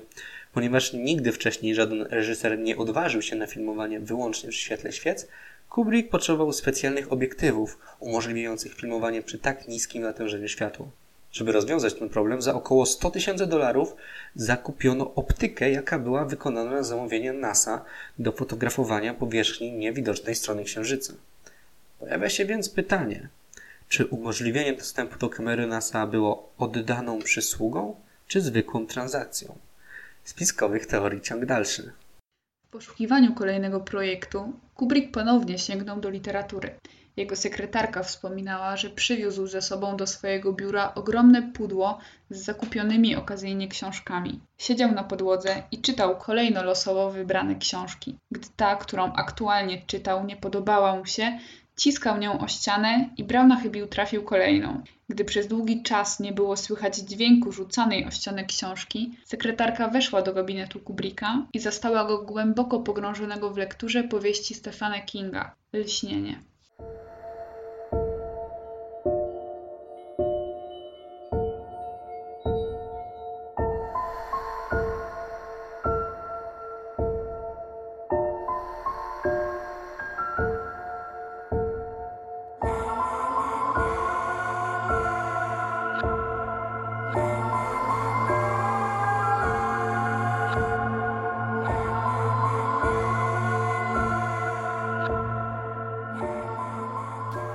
Sam Stephen King odnosił się zawsze do lśnienia z lekką niechęcią, narzekając na spore skróty i zmianę wymowy filmu. W oryginalnej powieści hotel Overlock wypełniały duchy i upiory, natomiast u Kubricka zło pochodzi jedynie z wnętrza ludzi zamieszkujących ten hotel. Jest właściwie wyłącznie ludzką rzeczą. W powieści duchy w hotelu są realne, a u Kubricka zdają się być wytworem wyobraźni Jacka – Zawsze gdy Terence widzi ducha i rozmawia z nim, rozmawia w istocie z lustrem. To właśnie w lśnieniu perfekcjonizm Kubricka przybrał apogeum i swoje największe rozmiary. Ponieważ scenę, w której Dick Halloran nawiązuje telepatyczny kontakt z uwięzionym w hotelu Denem, nakręcono 70 razy. Grająca tę rolę Scatman Crothers doprowadziło to do załamania nerwowego. Nie jest to jednak rekord z tego planu, ponieważ scenę, w której broniąca się kijem Wendy wycofuje się na schodach przed oszalałym Jackiem, kręcono 127 razy, a scenę wylewającej się z windy krwi kręcono cały rok, gdyż według Kubricka płyn ciągle nie przypominał prawdziwej krwi. Lśnienie ignoruje wszystkie wartości, którymi oznaczają się horrory. Całość nakręcono wyłącznie w jasnych pomieszczeniach, ponadto wykorzystano symbolizm kolorów i zrezygnowano z duchów i zjaw wyskakujących z szaf. Mamy za to skrajny niepokój i tajemniczy świat, który rządzi się własnymi prawami. Warto też wspomnieć, że najsłynniejsza scena z lśnienia została całkowicie zaimprowizowana. Kolejnym filmem reżysera było Full Metal Jacket, opowiadająca historię o losach młodego żołnierza piechoty morskiej USA o pseudonimie Joker. Od szkolenia w ośrodku na wyspie Paris w Karolinie Południowej po udział w krwawych walkach w Wietnamie. Rola bezwzględnego sierżanta szkoleniowego Hartmana wbrew wcześniejszym ustaleniom trafiła do Ronalda Le Hermeya. Przysłał on Kubrickowi kazetę VHS, na której przez kwadrans przeklinał, nie powtarzając się ani razu, ani nie zacinając się mimo że w tamtym czasie asystent reżysera obrzucał Ermeja pomarańczami. Był przekonany, że proponowany do tej roli Tim Kellerci nie nadaje się tak dobrze jak on. To jednak nie przekonało Kubricka. Wtedy Ermei zwymyślał go, żądając, by zwracać się do niego jak do oficera. Stał na baczność, ton jego głosu spowodował, że Kubrick automatycznie też stanął na baczność i bał się w ogóle odezwać. Ermei z miejsca dostał rolę Hartmana. Kreacja Arbeja do tego stopnia przypadła Kubrickowi do gustu, że uczynił dla aktora pewien wyjątek i zgodził się, by ten improwizował swoje kwestie. Gdy film był już praktycznie ukończony, dało sobie znać znów cechujący Kubricka pech. Na ekranach amerykańskich kin pół roku przed jego premierą trafił film Pluton Olivera Stone'a, również podejmujący tematykę rozrachunku z wojną wietnamską, choć w zupełnie innym ujęciu. Choć fakt ten nie miał już wpływu na produkcję Full Metal Jacket, miał wpływ na losy tego filmu na ekranie kin. Publiczność nie miała ochoty oglądać kolejnego ponurego filmu o wojnie w Wietnamie, w efekcie czego film nie odniósł większego sukcesu komercyjnego.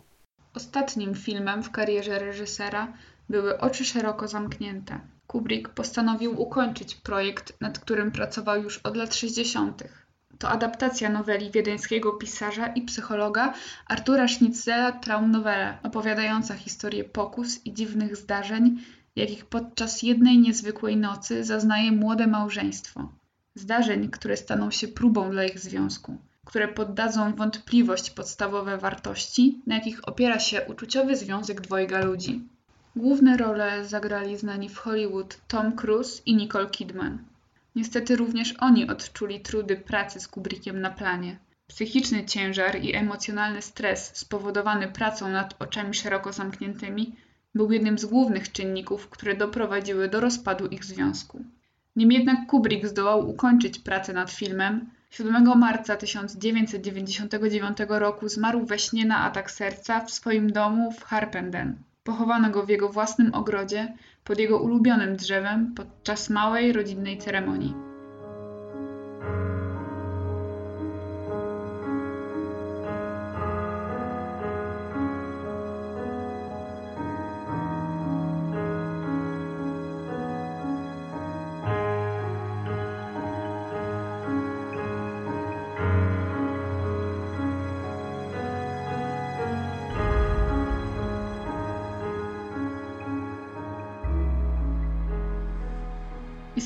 Teoria, jakoby Kubrick został zamordowany. Ukazany w jego ostatnim filmie Świat miał być oddaniem realiów spotkań masońskich, do którego grona reżyser miał przeniknąć podczas falsyfikowania lądowania na Księżycu. Aby zapobiec obnażeniu prawd o tym środowisku, Kubrick miał zostać zabity, by film nigdy nie ujrzał światła dziennego. Co ciekawe, nigdy nie udało mu się zdobyć Oscara dla najlepszego reżysera, mimo że wielokrotnie był do tego nominowany. Przez niespełna pół wieku pracy reżyserskiej pozostawił po sobie łącznie zaledwie 13 filmowych fabuł. Jednak każda z nich była w jakiś sposób wyjątkowa, a większość jest dziś mimo często niezadowalających wyników frekwencyjnych w oryginalnej dystrybucji kinowej uznawana za żelazne klasyki. Czasy, kiedy Kubrick nie nagrywał swoich filmów, spędzał w rodzinnej posiadłości. Fakt ten spowodował, że bardzo, ale to naprawdę bardzo niewiele osób wiedziało, jak ten reżyser naprawdę wygląda. Wielu reporterów przybywało do Harpen, gdzie znajdowało się wspomniane domostwo, w nadziei przeprowadzenia wywiadu. Bram tej posiadłości było witanych przez Kubricka osobiście, który grzecznie informował przybyłych, że reżyser aktualnie przebywa na planie filmu. Ponoć żaden z dziennikarzy nie rozpoznawał witającym właśnie Kubricka. Dla krytyków filmowych Stanley Kubrick jest synonimem perfekcji, symetrii i głębi. Dla wielu osób, które z nim pracowały, reżyser ten kojarzy się natomiast ze stresem i wycieńczeniem na planie. Co do jednego wszyscy są zgodni. Kubrick wyznaczył całkiem nowe ścieżki w świecie filmu.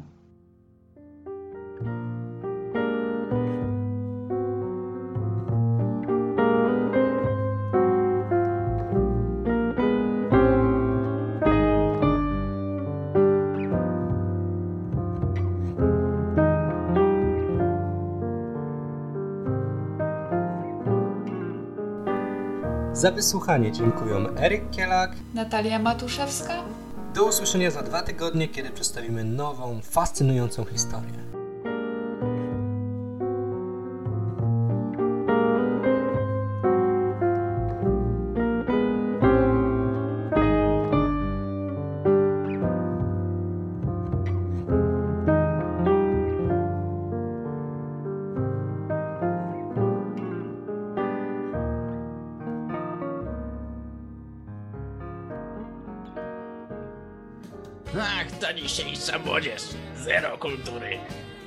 Dziadek, co ty gadasz? My jesteśmy kulturystami. Kulturyści w UE na fali. Cześć, witam wszystkich w naszym mikołajkowym wydaniu Kulturystów. To już nasz kolejny podcast. Dzisiaj będzie o tym, co nas otacza tak naprawdę na świecie. Mm, Ze mną jest Wiktor Stańczyk. Zaraz. Dzień mm, dobry. Tak. e, Może powiedz, co przygotowałeś na dzisiejszą e, audycję, o czym dzisiaj porozmawiamy tak ogólnie. Dzisiaj tak ogólnie będziemy rozmawiać o zagrożeniach współczesnego świata, co nam grozi, co nam groziło w poprzednich latach i jaki to miało wpływ na nasze życie. Dokładnie tak, a ja od siebie dodam kilka ciekawostek na temat emisji gazów cieplarnianych, jak możemy pomóc, e, aby to ocieplenie klimatu troszkę e, zatrzymać. No i może nie będę za dużo zdradzał, Chciałbym powiedzieć, że parę dni temu, a dokładnie w piątek 4 grudnia, tutaj nasz ekspert miał urodziny 100 lat. Ale dziękuję, to bardzo miłe, że pamiętasz. Oczywiście, że pamiętam. Dobra, a więc lecimy y, z muzyką i wracamy do Was z ciekawostkami.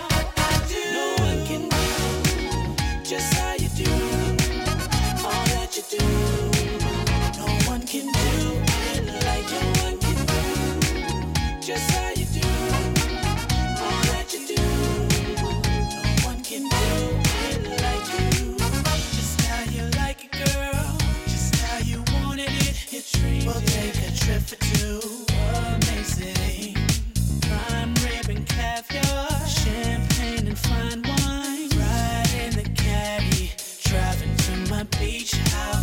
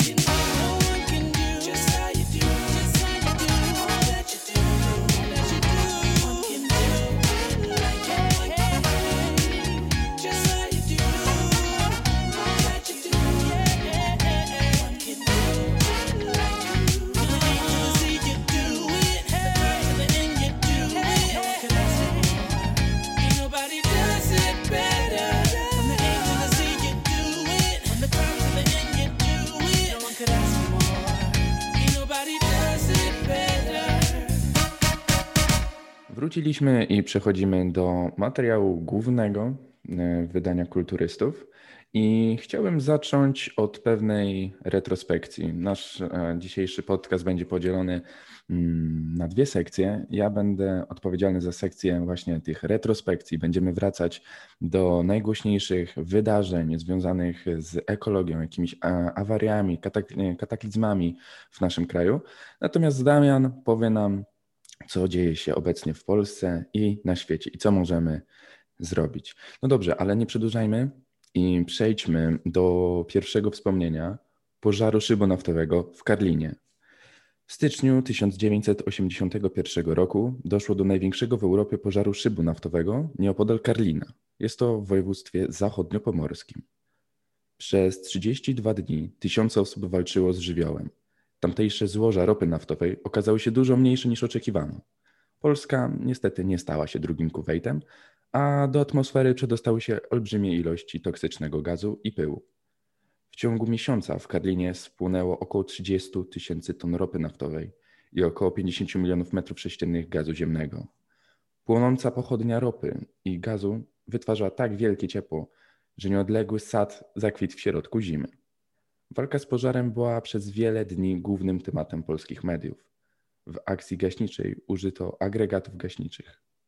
Były to pochodzące z myśliwców MiG-17 silniki turboodrzutowe Klimow WK-1F zamontowane na samochodach.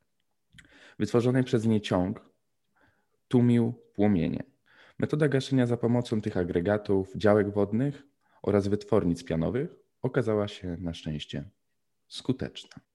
Usłyszeliśmy o wydarzeniu z przeszłości od e, Wiktora, e, a ja teraz sprawnym krokiem przeskoczę do teraźniejszości i poruszę temat e, zmiany klimatycznej, ogólnie pojętego ocieplenia klimatu. Muszę przyznać, że do poruszenia tego tematu przekonała mnie rozmowa Artura Racickiego z Marcinem Popkiewiczem, czyli fizykiem, analitykiem megatrendów i przede wszystkim autorem książki pod tytułem Rewolucja energetyczna, ale po co? E, traktującą o zmianach klimatu. E, Tę rozmowę można odsłuchać na YouTubie. Mm, To jest program prowadzony przez y, Artura Racickiego, Imagine the Future, e, który właśnie mówi o tym, e, jak w przyszłości może wyglądać Ziemia, Mm, a celem e, tych rozmów jest pobudzenie troszkę świadomości e, ludzi i sprawienie, że może nasze dzieci i wnuczki, wnukowie będą żyli w lepszym świecie i w czystszym przede wszystkim. Nie ma co się oszukiwać, że na świecie jest coraz więcej ludzi, a co za tym idzie, coraz to większe zużycie energii. Więcej samochodów w, rodzinie, w rodzinie, większe zużycie paliwa. Mm, U bogatej elity społecznej dochodzą też y, takie środki transportu jak e, jachty, samoloty, a te środki transportu no przecież potrzebują dużo tego paliwa. Zresztą klasa średnia e, rośnie, nie ma co się oszukiwać. Bogatych przybywa i każdy zużywa coraz to więcej energii. W posiadaniu są coraz większe domy, oczywiście klimatyzowane. Coraz więcej e, podróży lotniczych jest organizowanych. Mniej więcej połowa emisji mm, przypada na miliard najbogatszych ludzi. Czyli to są właśnie te wzmożone e, częstotliwości podróży lotniczych, rodziny, które mają duże samochody i dużo tych samochodów, bo na rodzinę już nie przypada jeden samochód, e, ale w wielu przypadkach jest ich więcej. Każdy mm, członek rodziny może posiadać y, swój samochód, swoje miejsce parkingowe. No i tak właśnie e, zanieczyszczamy to powietrze. Równie dobrze rozwiązaniem tego problemu mogłoby być jednak zbieranie się w grupy i na przykład podróżowanie do pracy czy gdzieś do jakiegoś miejsca, do którego chcemy się dostać w grupie, tak żeby wykorzystać stuprocentowo miejsce w samochodzie e, i to by było zdrowsze dla Ziemi i myślę, że weselej by było w takim pełnym samochodzie, gdzie ludzie mogą ze sobą porozmawiać. Takie, takie jest moje e, pierwsze, e, pierwsza propozycja rozwiązania tego problemu, żeby mniej jednak zanieczyszczać e, środowisko tymi spalinami i emisją e, gazów do powietrza. No bo planeta ma mechanizmy regulacyjne i sama planeta poradziłaby sobie, ale my bardzo dobrze jej przeszkadzamy. No i na przestrzeni lat y, ta średnia temperatura mm, wzrosła. Mniej więcej tam o, o- o 4 stopnie, aczkolwiek, y, tak jak już powiedziałem, coraz więcej jest ludzi i coraz y, więcej, em, coraz większe zużycie jest energii, coraz większa emisja tych gazów cieplarnianych do atmosfery, a co za tym idzie, no nieuniknionym jest to, że w przyszłości ta temperatura będzie wzrastała. Możemy temu zapobiec, albo możemy chociaż e, zminimalizować ten wzrost e, temperatury. Oczywiście surowców e, nie przybywa w bogactwie ziemi, a zapotrzebowanie rośnie. Tam, gdzie były kiedyś ziemie rolne, tak teraz są pustynie.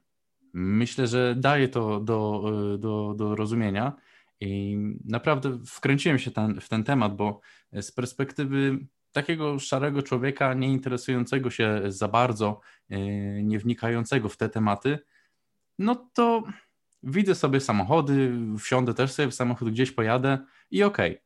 Ale jak tak sobie pomyślę i każdy swoim osobnym samochodem gdzieś się e, po prostu przemieszcza, no to z każdego samochodu naprawdę dużo tych zanieczyszczeń trafia do e, środowiska, do atmosfery, do powietrza, a to nie wpływa korzystnie na nasze zdrowie. Oddam teraz głos Wiktorowi. Wnioskuję, że przeskoczymy troszkę do przeszłości, tak?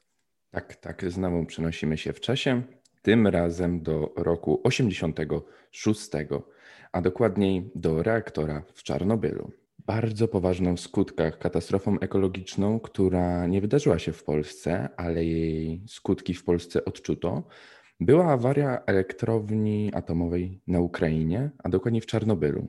Do katastrofy doszło 26 kwietnia 1986 roku. Wybuch reaktora skaził tereny sąsiadujące z Ukrainą, w tym także część wschodniej Polski. Doszło do napromieniowania ściółki leśnej na wschodzie Polski w okolicach Białego Stoku. Katastrofa ekologiczna w Czarnobylu doprowadziła do tego, że wielu Polaków doznało choroby popromiennej i zachorowało na nowotwór bądź inne choroby związane z eksplozją reaktora. I czy ty, Damianie, w ogóle słyszałeś i orientowałeś się, e, jeśli chodzi o Czarnobyl? Jasne, no niewątpliwie e, głośne e, wydarzenie na skalę światową. I nawet mogę powiedzieć, że słyszałem od i swoich dziadków, i od swoich rodziców, kiedy to nawet w Polsce musieli pić A, pewnie płyn jakąś Płyn wodę, Logola. coś, tak, coś takiego, coś takiego, żeby, żeby no nie wiem, nie wiem w jakim celu, już nie pamiętam dokładnie, ale no to nawet y, dotknęło nas. Co prawda daleko y, od miejsca zdarzenia, ale jednak y, tu też jakieś działania były podjęte. No. Powiem ci, mnie to fascynuje, że nawet po tylu latach od tej katastrofy, no bo już minęło jednak kilkadziesiąt lat, no temat jest dość gorący, bo no w przenośni dosłownie, ponieważ tam w tym reaktorze pewnie nadal jest niezłe ciepełko, ale mi chodzi też o to, że jakiś czas temu wyszedł serial HBO właśnie Czarnobyl, gdzie możemy poznać dokładnie całą historię, ale sam Czarnobyl, jeśli chodzi o samo miejsce, interesuje wielu turystów. Ludzie tam specjalnie jeżdżą i chcą to zobaczyć, więc moim zdaniem w takich wydarzeniach, takich, no można powiedzieć, trochę przełomowych, no bo niewątpliwie awaria w Czarnobylu taka była, yy, no odciska ogromne piętno na, na życiu. I akurat tutaj tak trafiło, że, że trafiło na nasze życie i na nasze, na nasze tereny. Zgadzam się. No i pod kątem em, turystyki, no to rzeczywiście bardzo dużo materiałów powstało, na przykład na YouTubie, e, z wycieczek w tamto miejsce. Tam mm, można zapłacić i te wycieczki są organizowane w celach właśnie takich, żeby pozwiedzać dane, dane tereny. I nawet do dzisiaj niektóre tereny są tak skażone, że to urządzenie, z którym chodzą y, i, i badają, powiedzmy, natężenie tego y, skażenia w danych miejscach, no pika, czyli pokazuje to, że, że naprawdę jeszcze tam są skażone elementy, które cały czas y, promieniują, tak? No to jest nie, niesamowite.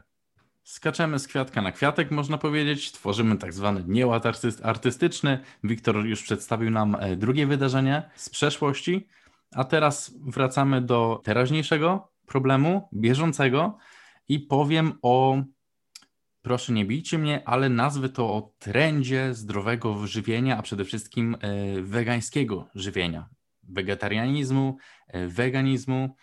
Ogólnie chodzi o to, że w, w ówczesnych czasach wiele ludzi stawia na e, zrezygnowanie z mięsa.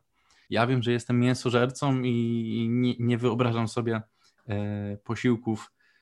No dobra, posiłków może nie, ale dłuższego czasu bez, bez konsumpcji mięsa.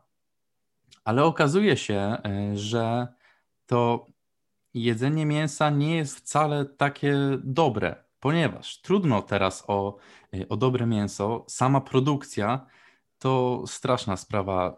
Zwierzęta faszerowane są tabletkami, sterydami, sterydami, antybiotykami, hormonami. mm, i to, w jaki sposób one są traktowane, no naprawdę straszna sprawa. I później te wszystkie hormony stresu zjadamy i pakujemy e, w swoje e, organizmy. Druga sprawa to, że wyprodukowanie takiego e, kilograma wołowiny wiąże się z, ze zużyciem bardzo dużego nakładu wody. Do produkcji kilograma wołowiny zużycie potrzebne jest tysiąca litrów słodkiej wody. Więc to dla środowiska też nie jest dobre i wiele e, tutaj tracimy. Impact na środowisko e, no, jest niekoniecznie pozytywny. Tak samo jak e, przy produkcji mięsa emitowane są gazy cieplarniane, takie jak dwutlenek węgla czy metan. Kolejnym, ale też związanym, związaną sprawą z tym, to jest to, że za dużo tego jedzenia kupujemy, a mało z tego, co kupiliśmy, zjadamy. Tak naprawdę potrzebujemy zaledwie jednej trzeciej tego, co jemy, bo i tak byśmy funkcjonowali. No, nasz jadłospis nie musi się wcale składać z trzech, z trzech posiłków na obiad i później jeszcze deseru i później jeszcze przekąsek i tak dalej. Trudno mi o tym mówić, bo sam lubię sobie pojeść i dobrze, i dużo, ale gdy zainteresowałem się tym tematem, no naprawdę nabrałem zupełnie nowego spojrzenia na E, dane na daną e, sytuację i sprawę. Niestety 30% całej żywności produkowanej globalnie jest wyrzucana, jest marnowana. Nie jesteśmy w stanie wyjeść i wyczyścić e, całej lodówki, no ale można jednak ograniczyć zakupy. Moja propozycja jest taka, żeby nie kupować aż tyle owoców, warzyw, mięsa, ogólnie jedzenia, Mm, ograniczyć ilość produktów kupowanych, ale też myślę, że zwiększenie częstotliwości wychodzenia na zakupy pomogłoby temu e, problemowi, bo jeśli zauważymy, że skończyły się u nas na przykład banany w domu, to wtedy po nie wyruszmy, bo często jest tak, że wyruszamy po banany dopiero gdy zobaczymy, że kiść, którą kupiliśmy tydzień temu, stała się już czarna, w ogóle zaczęła już sama chodzić po tej kuchni i stwierdzamy, no nie, wyrzucamy, no bo co z tym zrobimy? No więc po co to kupowaliśmy, jeśli tego nie zjedliśmy? Po co w takiej ilości i w takim nakładzie? Szczególną wagę powinniśmy przywiązywać do kupowania w lokalnych sklepikach, straganach czy ryneczkach na osiedlach. Wspieranie polskich produktów jest znacznie lepsze i dla producentów polskich, i dla nas, konsumentów, i dla ziemi również, bo przecież pomidory, które lecą do nas z Hiszpanii, muszą przebyć drogę tysięcy kilometrów, no a w to też wchodzi y, emisja tego paliwa do, y, do, do powietrza, do atmosfery, a przecież niedaleko szukać mamy na pewno taki streganik, mamy panią, mamy pana, którzy sprzedają swoje własne pomidory z polskiej ziemi i naprawdę chciałbym, żeby wsparcie polskich y, producentów znacznie się zwiększyło. Dobra, poruszyłem temat e, jedzenia. Tak w skrócie, bo oczywiście to jest temat rzeka, można o nim mówić i mówić, ale czas antenowy jest ograniczony, więc przeskakujemy do przeszłości. Halo, halo Damianie, jesteśmy już w przeszłości, a meldujemy się dokładnie w roku 1997 i pomówimy o powodzi tysiąclecia, przy której chciałbym przytoczyć Tobie i wszystkim naszym słuchaczom e, liczby bardzo dużo liczb związanych właśnie z, tym, mm, z tą katastrofą. Powódź tysiąclecia. Potoczna nazwa powodzi, która nawiedziła w lipcu 1997 roku południową i zachodnią Polskę, Czechy, wschodnie Niemcy, północno-zachodnią Słowację oraz wschodnią Austrię, doprowadzając na terenie Czech, Niemiec i Polski do śmierci 114 osób, oraz szkód materialnych w wymiarze blisko 4,5 miliarda dolarów amerykańskich. Na terenie Polski zginęło 56 osób, a szkody oszacowano na około 3,5 miliarda dolarów. Wylały się wówczas wody do rzeczy rzek Bóbr, Bystrzyca, Kaczawa, Kwisa, Mała, Panew, Nysa Kłodzka, Nysa Łużycka, Odra, Olza, Oława, Skora, Szprotawa, Ślęza i Widawa, a także górny, górnej Wisły i Łaby. W wyniku powodzi zginęły 54 osoby.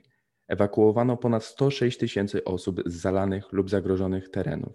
Zalaniu uległo 47 tysięcy budynków mieszkalnych i gospodarczych.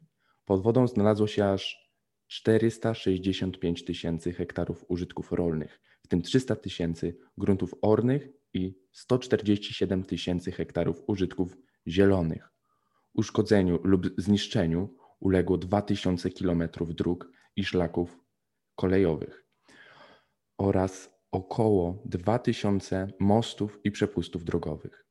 Uszkodzone zostały zakłady przemysłowe, 71 szpitali w miastach, 190 placówek służby zdrowia, 252 obiekty kulturalne, 300 obiektów zabytkowych, 937 szkół i przedszkoli, 33 placówki naukowe, około 300 obiektów sportowych, około 120 km sieci wodociągowej, 100 ujęć wody pitnej i ponad 200 studni kopanych. Zalanych zostało około 70 oczyszczalni ścieków i 7 składowisk odpadów komunalnych. Ogólna wartość strat w wyniku powodzi lipcowo-sierpniowej z 1997 roku szacowana jest na 9,24 miliarda złotych, bez uwzględnienia strat pośrednich. Najdotkliwiej powódź dotknęła mieszkańców województwa opolskiego. 87 tysięcy hektarów gruntów znalazło się pod wodą. 40 tysięcy ludności trzeba było ewakuować z 26 tysięcy zalanych i uszkodzonych budynków.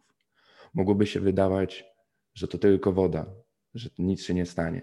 Ale jednak przez tę niewinną wodę cały kraj zamarł w bezruchu i nic nie można było z tym zrobić. A było to dość naprawdę niedawno 23 lata.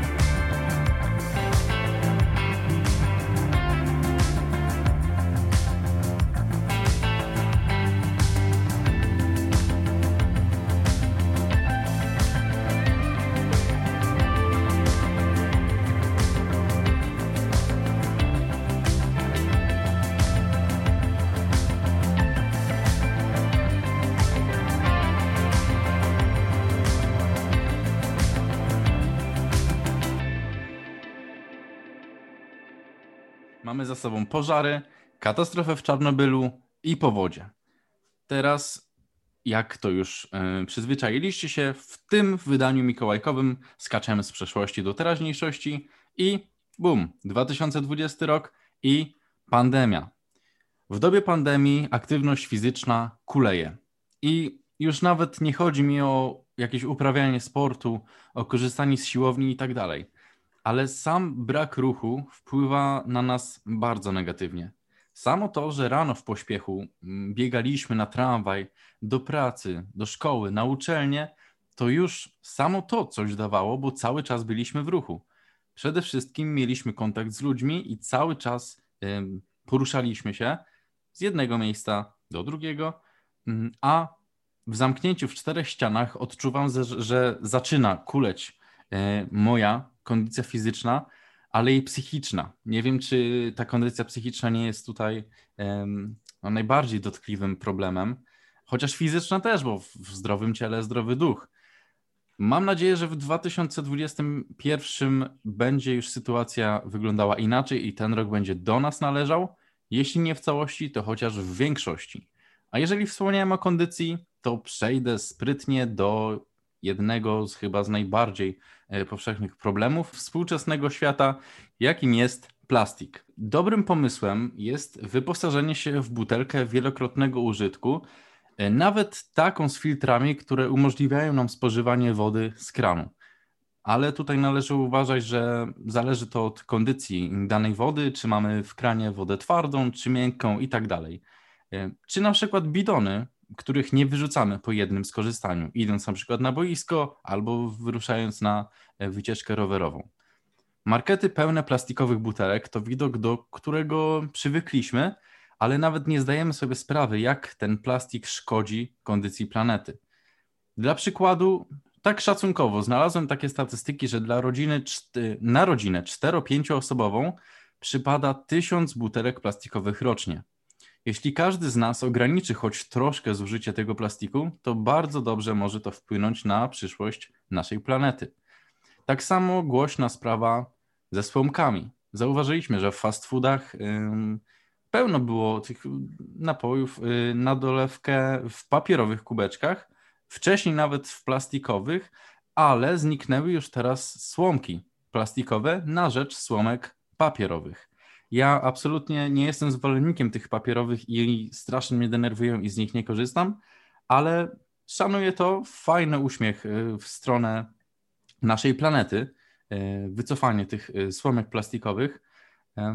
No bo rzeczywiście, jeśli jedna osoba powie sobie, "Łe, no przecież tylko ja jedną słomkę użyję, później ją wyrzucę, no to co to tak naprawdę zmieni? Jedna osoba, jedna słomka, przecież nic, nic naprawdę się nie stanie. No ale jeżeli milion tych y, osób pomyśli tak samo, no to już się zbierze naprawdę ogromna liczba tych słomek, a gdzieś one muszą leżeć, gdzieś one muszą trafić, a przecież te plastikowe mm, produkty, twory, no nie rozkładają się w sposób mm, sprawny i szybki. Więc to jak najbardziej na plus. W Szwecji na przykład to 90% zużytego plastiku jednak wraca na półki. Ten recykling w tamtych stronach działa bardzo dobrze. U nas w Polsce jednak nie jest tak sprawny, ale idziemy w dobrym kierunku. We wszystkich miejscach, y, gdzie dane osiedle, czy blok, mm, czy domy wyrzucają swoje śmieci, znajdują się albo chociaż powinny znajdować się pojemniki na plastik, papier, szkło, y, takie czy szkło takie. Wystarczy się do tego stosować i być może nasze dzieci czy wnuki będą żyły w czystszej Polsce i przede wszystkim w czystszym świecie. Bardzo dobrym krokiem, jaki zrobiliśmy w stronę y, polepszenia kondycji naszej planety, y, pokazuje to przykład torebek plastikowych. Już teraz nie spotkamy w marketach tyle powiewających jednorazówek co kiedyś, chociaż wiadomo, y, są one na przykład na stoiskach z warzywami, ale już nie w takim stopniu, jak to kiedyś miało miejsce. Super rozwiązaniem też są torby boomerang, najczęściej papierowe, które możemy wziąć z danego sklepu, najczęściej lokalnego sklepiku, zanieść w nich zakupy do domu, a gdy w domu się ich trochę nazbiera, odnosimy je do sklepu, w to samo miejsce, z którego je wzięliśmy i ktoś będzie mógł z nich korzystać. W ten sposób ograniczymy i produkcję tych toreb i wiemy, że mają jakieś zastosowanie, a nie lądują na śmieciach i później dołączają do góry śmieci zalegających gdzieś na wysypisku, czy co gorsza w oceanie, bo ocean pełen mm, torebek jednorazowych, y, plastików, słomek jest naprawdę odrażający. I kończąc, wspomnę o takim jednym trendzie ostatnio e, popularyzowanym i w mediach, i wśród y, ludzi, i na ulicach jest przekazywanie dalej używanych ubrań. Nie jest to żaden wstyd, ubieranie się w używane ubrania. Mam wrażenie, że kiedyś takie przeświadczenie było, teraz to się zmieniło.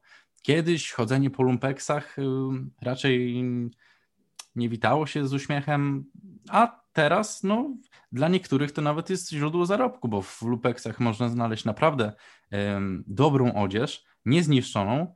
Wystarczy ją troszkę odrestaurować i ktoś może sobie na tym zarabiać. Zdobędzie taką perełkę i na niej zarobi i też e, wypuści ją dalej w świat, gdzie ktoś będzie miał z niej e, pożytek. Na przykład Vinted, ostatnio bardzo popularny, teraz bardzo dobrze działa i zebrał wielu ludzi, którzy tam wymieniają się ubraniami na zasadzie sprzedaży swoich ubrań, często po naprawdę dobrych, niskich cenach. Jak już wcześniej wspomniałem, mogą na tym zarobić, a za zarobione pieniądze mogą kupić sobie inne ubrania używane przez kogoś innego.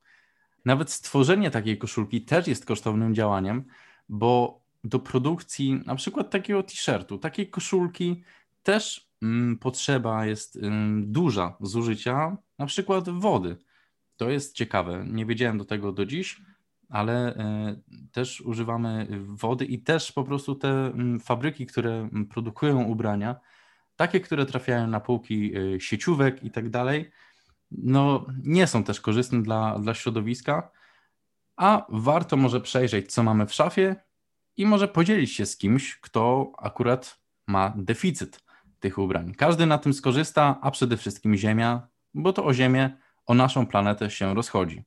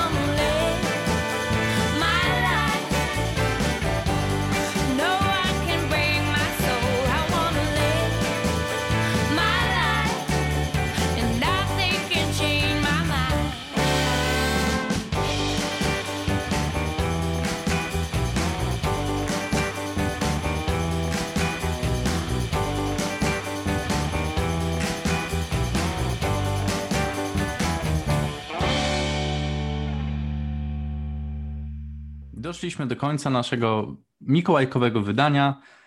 I słuchaj, nasz solenizancie, co byś powiedział i jak byś pożegnał się z naszymi słuchaczami? Wiesz co, myślę, że żeby omówić wszystko związane z ekologią i z naszymi zagrożeniami, no mogłoby nie starczyć czasu całego podcastu, a co dopiero tutaj naszego, naszego bloku kulturystów. Ale cieszę się, że udało się chociaż tyle, tyle powiedzieć, przytoczyć moje historie. E, Ty podałeś nam wskazówki, więc cieszę się, że, że chociaż tyle i że taką cegiełkę mogliśmy dołożyć w budowaniu lepszego jutra i zdrowszego jutra. Jasne, do, dodam też coś y, od siebie, pozwolę się y, wtrącić słowo, że naprawdę jest to bardzo ciekawy temat. y, Zainteresowanych zapraszamy do zgłębiania go, bo naprawdę rozchodzi się o y, kondycję naszej planety. Mm, I to, o czym wspomniałem, o zredukowaniu spożywania mięsa, o zredukowaniu y, po prostu poruszania się samemu w samochodzie, żeby ograniczyć to, tą, imi, tę imitację po prostu gazów do, do atmosfery, do powietrza to mm, wiadomo, Niekoniecznie musimy od razu rezygnować z tych wszystkich y, przyjemności i z tych wszystkich przywilejów, ale bardzo ważnym jest to, żeby mieć świadomość tego, że możemy je ograniczyć i to ograniczenie bardzo dużo da. W punkt, Damianie. W punkt. Dziękuję bardzo. To co? Żegnamy się na dzisiaj i słyszymy się za tydzień. Wiktor Stańczyk. I Damian Zagórski. Do usłyszenia.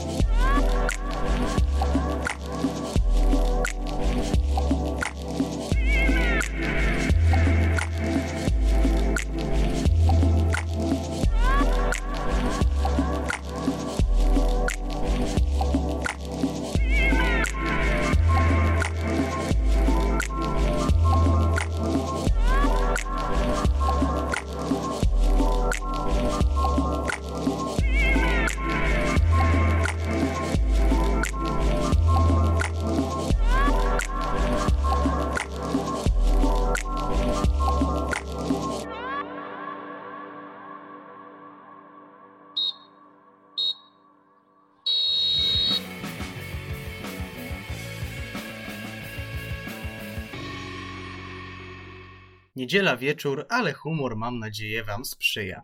Słuchacie Uniwersytetu Łódzkiego na fali, w którym to przyszła pora na audycję po piłkarsku. Wita się z Wami Demian Markowicz. Do dzisiejszego wydania chciałbym podejść nieco inaczej niż dotychczas. Muszę się Wam przyznać, że nadal poszukuję idealnej dla siebie formuły prowadzenia tych audycji, więc niewykluczone, że kilka najbliższych będzie się od siebie znacząco różnić. Mam nadzieję, że takie eksperymenty przyjmiecie dość ciepło. A dzisiaj zajmę się wyłącznie spotkaniem Lecha Poznań z Benfiką. Postaram się jakoś wytłumaczyć swój pogląd na aktualną sytuację kolejorza i spróbuję dowieść, że nie do wszystkiego powinniśmy się tak chętnie doczepiać. Na ten czas jednak zostawiam Was z muzyką.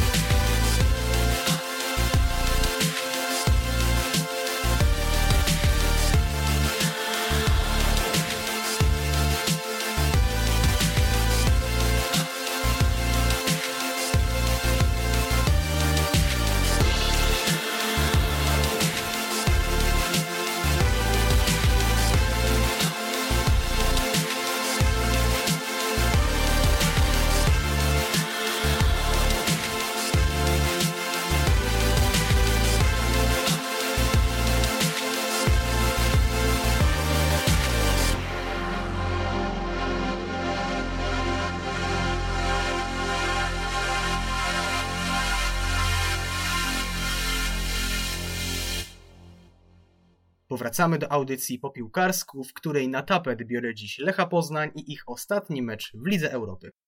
Nie będę was zanudzał gadaniem o tym, jaki był wynik, kto grał źle, czemu mało kto dobrze i tak dalej, bo to wszystko pewnie wiecie. W tej audycji chciałbym stanąć w pewnej opozycji co do niektórych powszechnie panujących opinii, a z innymi się zgodzić. Zaczynajmy. Pam, pam, pam, pam, pam. Pum, pum. Pam, pam, pam, pam, pam, pam. Na początek rezerwowy skład.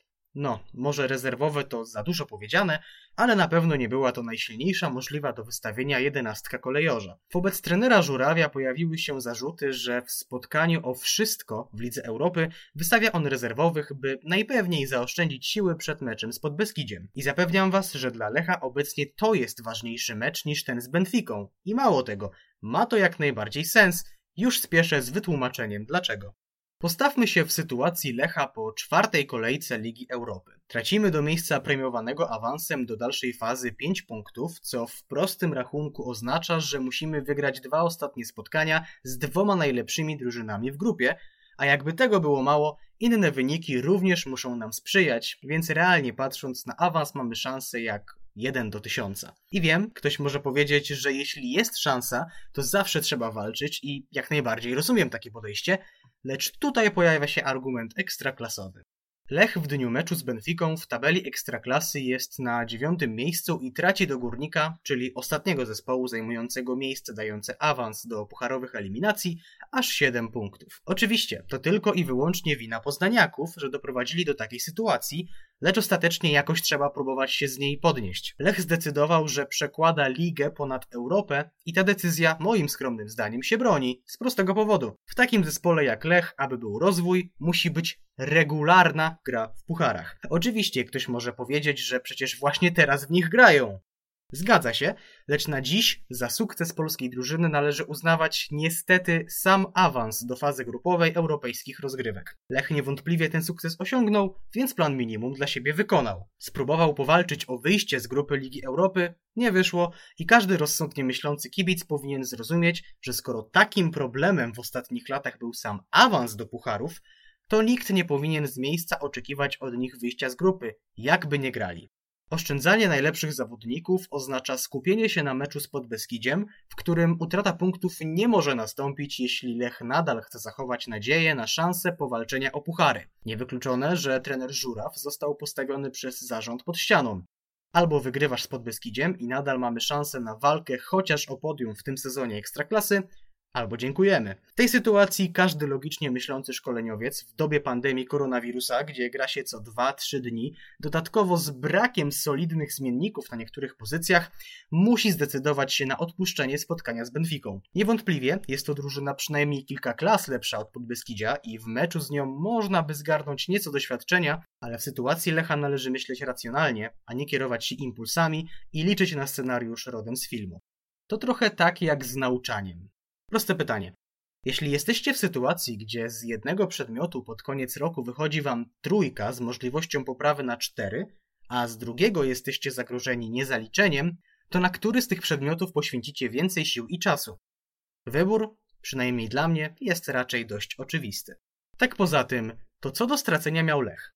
Wpuszczając rezerwowych, którzy dostali poważną szansę na zaistnienie na dłużej w pierwszym składzie, zagrał w bank. Jakby Lech wygrał po beznadziejnej grze, ale dzięki kontrze i bramce na 1 do 0, nikt by nawet nie śmiał krytykować kolejorza. Okej, okay, finalnie zmiennicy zagrali źle, ale wynikało to nie tylko z ich gorszych umiejętności czy braku zgrania. Benfica obecnie nie jest drużyną, która najlepiej broni. Podkreśla to sam jej trener George Jesus. W pierwszym spotkaniu z kolejorzem byli drużyną lepszą, ale jednak Lech dwukrotnie doprowadzał do wyrównania. W rewanżu widać było, że Portugalczycy odrobili pracę domową i zagrali bardziej defensywnie, blokując tym samym niemalże do zera potencjał ofensywny Lecha, który przecież radzi sobie dobrze z ekipami grającymi otwarcie, a męczy się z tymi lepiej zorganizowanymi z tyłu. Benfica wygrała to spotkanie przede wszystkim taktyką ustawioną pod Lecha i lepszymi indywidualnościami. Moim zdaniem, gdyby ekipa z Poznania nie wypuściła we frajerskim stylu wygranej z rąk w meczu ze standardem, dziś nie byłoby dyskusji o tej całej sprawie, bo Lech zwyczajnie wystawiłby na Benfikę silniejszy skład. Jeśli więc mamy już ganić kolejorza, to tylko za mecz z Belgami, który co prawda nie matematycznie, ale na 99% zaprzepaścił szansę na awans. Ostatni czwartek pokazał, że scenariusz jednoprocentowy się nie spełnił. Kibicom nie da się dogodzić, bo wyobraźmy sobie, co by było, gdyby trener Dariusz Żuraw na Benfikę wyszedł najmocniejszym składem. Po pierwsze, tak szczerze, czy to realnie odmieniłoby losy meczu? Nie wydaje mi się. Po drugie, wówczas z Podbeskidziem albo zagraliby rezerwowi i pojawiłyby się komentarze typu Eee, tyle tracimy do litera, a on wystawia rezerwy. albo zagrałby pierwszy skład, zmęczony kolejnym meczem w tak krótkim czasie i wtedy ludzie pisaliby Eee, on im nie daje odpocząć, zajedzie ich. Co w tym wypadku jest głównym czynnikiem sprawczym? Ano niezbyt szeroki skład, ale teraz się tego nie naprawi, był na to czas w okienku transferowym. Powiem więcej. Lech w jednym z powyższych scenariuszy miałby mniejsze szanse na wygraną z Podbeskidziem niż ma aktualnie. A przypomnijmy, utrata punktów w tym meczu absolutnie nie wchodzi w grę. Idealnym przykładem jest Jakub Moder. Wszyscy zachwycaliśmy się jego grą, ale jakoś w październiku. Teraz, kiedy ma on zdecydowanie więcej minut w nogach, jest cieniem samego siebie i zdecydowanie potrzebuje regeneracji. A kiedy on ma ją dostać, jak gra się co kilka dni, a solidnych zmienników brak? Ano nie bardzo jest inne wyjście niż któryś mecz odpuścić, a jak już wspomniałem wyżej, mecz z Podbeskidziem jest dla Lecha ważniejszy niż ten z Benficą. Przypomniała mi się sytuacja z 2016 roku, kiedy to w Lidze Mistrzów Legia w fazie grupowej rywalizowała między innymi ze Sportingiem. Portugalczycy wygrali dość łatwo pierwszy mecz 2 do 0, lecz w rewanżu właściwie zobaczyliśmy inną drużynę. Podkreślano wówczas, że Sporting woli skupić się na lidze, w której wiodło im się delikatnie mówiąc nie najlepiej.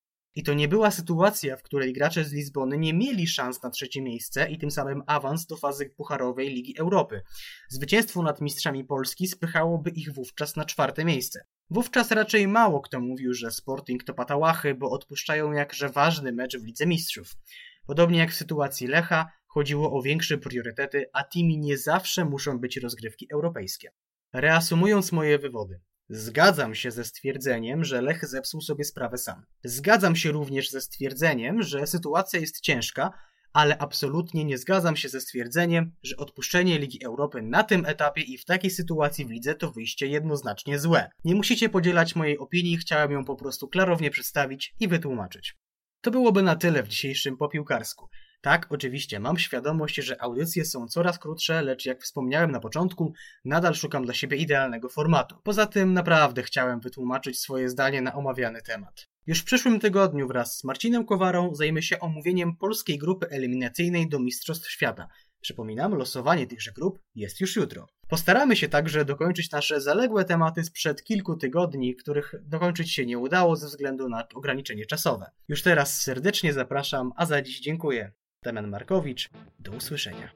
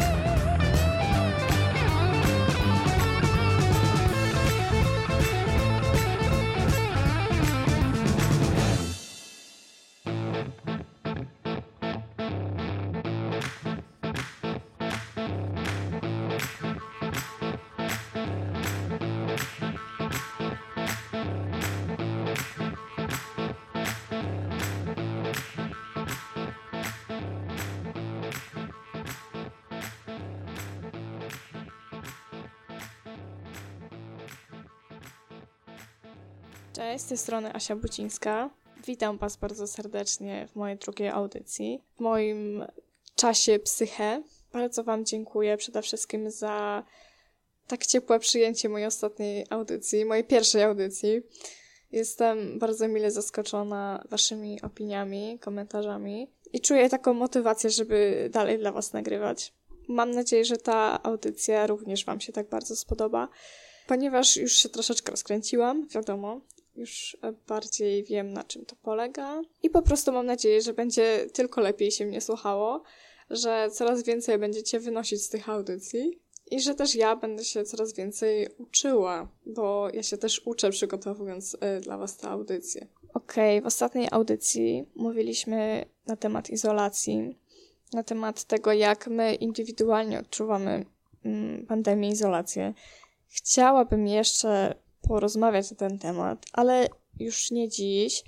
E, Mam pomysł na, na ugryzienie tego tematu z troszeczkę z innej strony, ale planuję to, to na następne audycje. A dzisiaj ma, przychodzę do Was z czymś, moim zdaniem, bardzo ciekawym, bardzo aktualnym i dotyczącym nas wszystkich. Ostatnio rozmawiałam z Wami o tym, jak czujemy się w czasie pandemii, w czasie izolacji. I wspomniałam Wam o jednej rzeczy, mianowicie takiej, że pani Niedźwiecka w swoim podcaście wspomniała o tym, żeby nie odkładać życia na później, nie odkładać rzeczy na potem. Stwierdziłam, że jest to bardzo ciekawy temat, bardzo który warto poruszyć. Wejdźmy w to głębiej. Temat tego lenistwa, tego odkładania różnych aktywności na potem, na później, na następny dzień i z czym to się je tak naprawdę. Prokrastynacja lub zwlekanie, czy też ociąganie się. Z łacińskiego procrastinatio, odruczenie zwłoka. Tendencja utożsamiana z odwlekaniem, opóźnianiem lub przekładaniem czegoś na później, ujawniająca się w różnych dziedzinach życia. To jest, moi drodzy, definicja prokrastynacji wzięta z Wikipedii. I nie sądzę, że ktoś mógłby mi powiedzieć, że on nigdy nie odczuł prokrastynacji na własnej skórze, bo mam wrażenie, że dotyczy ona ogólnie naszego gatunku.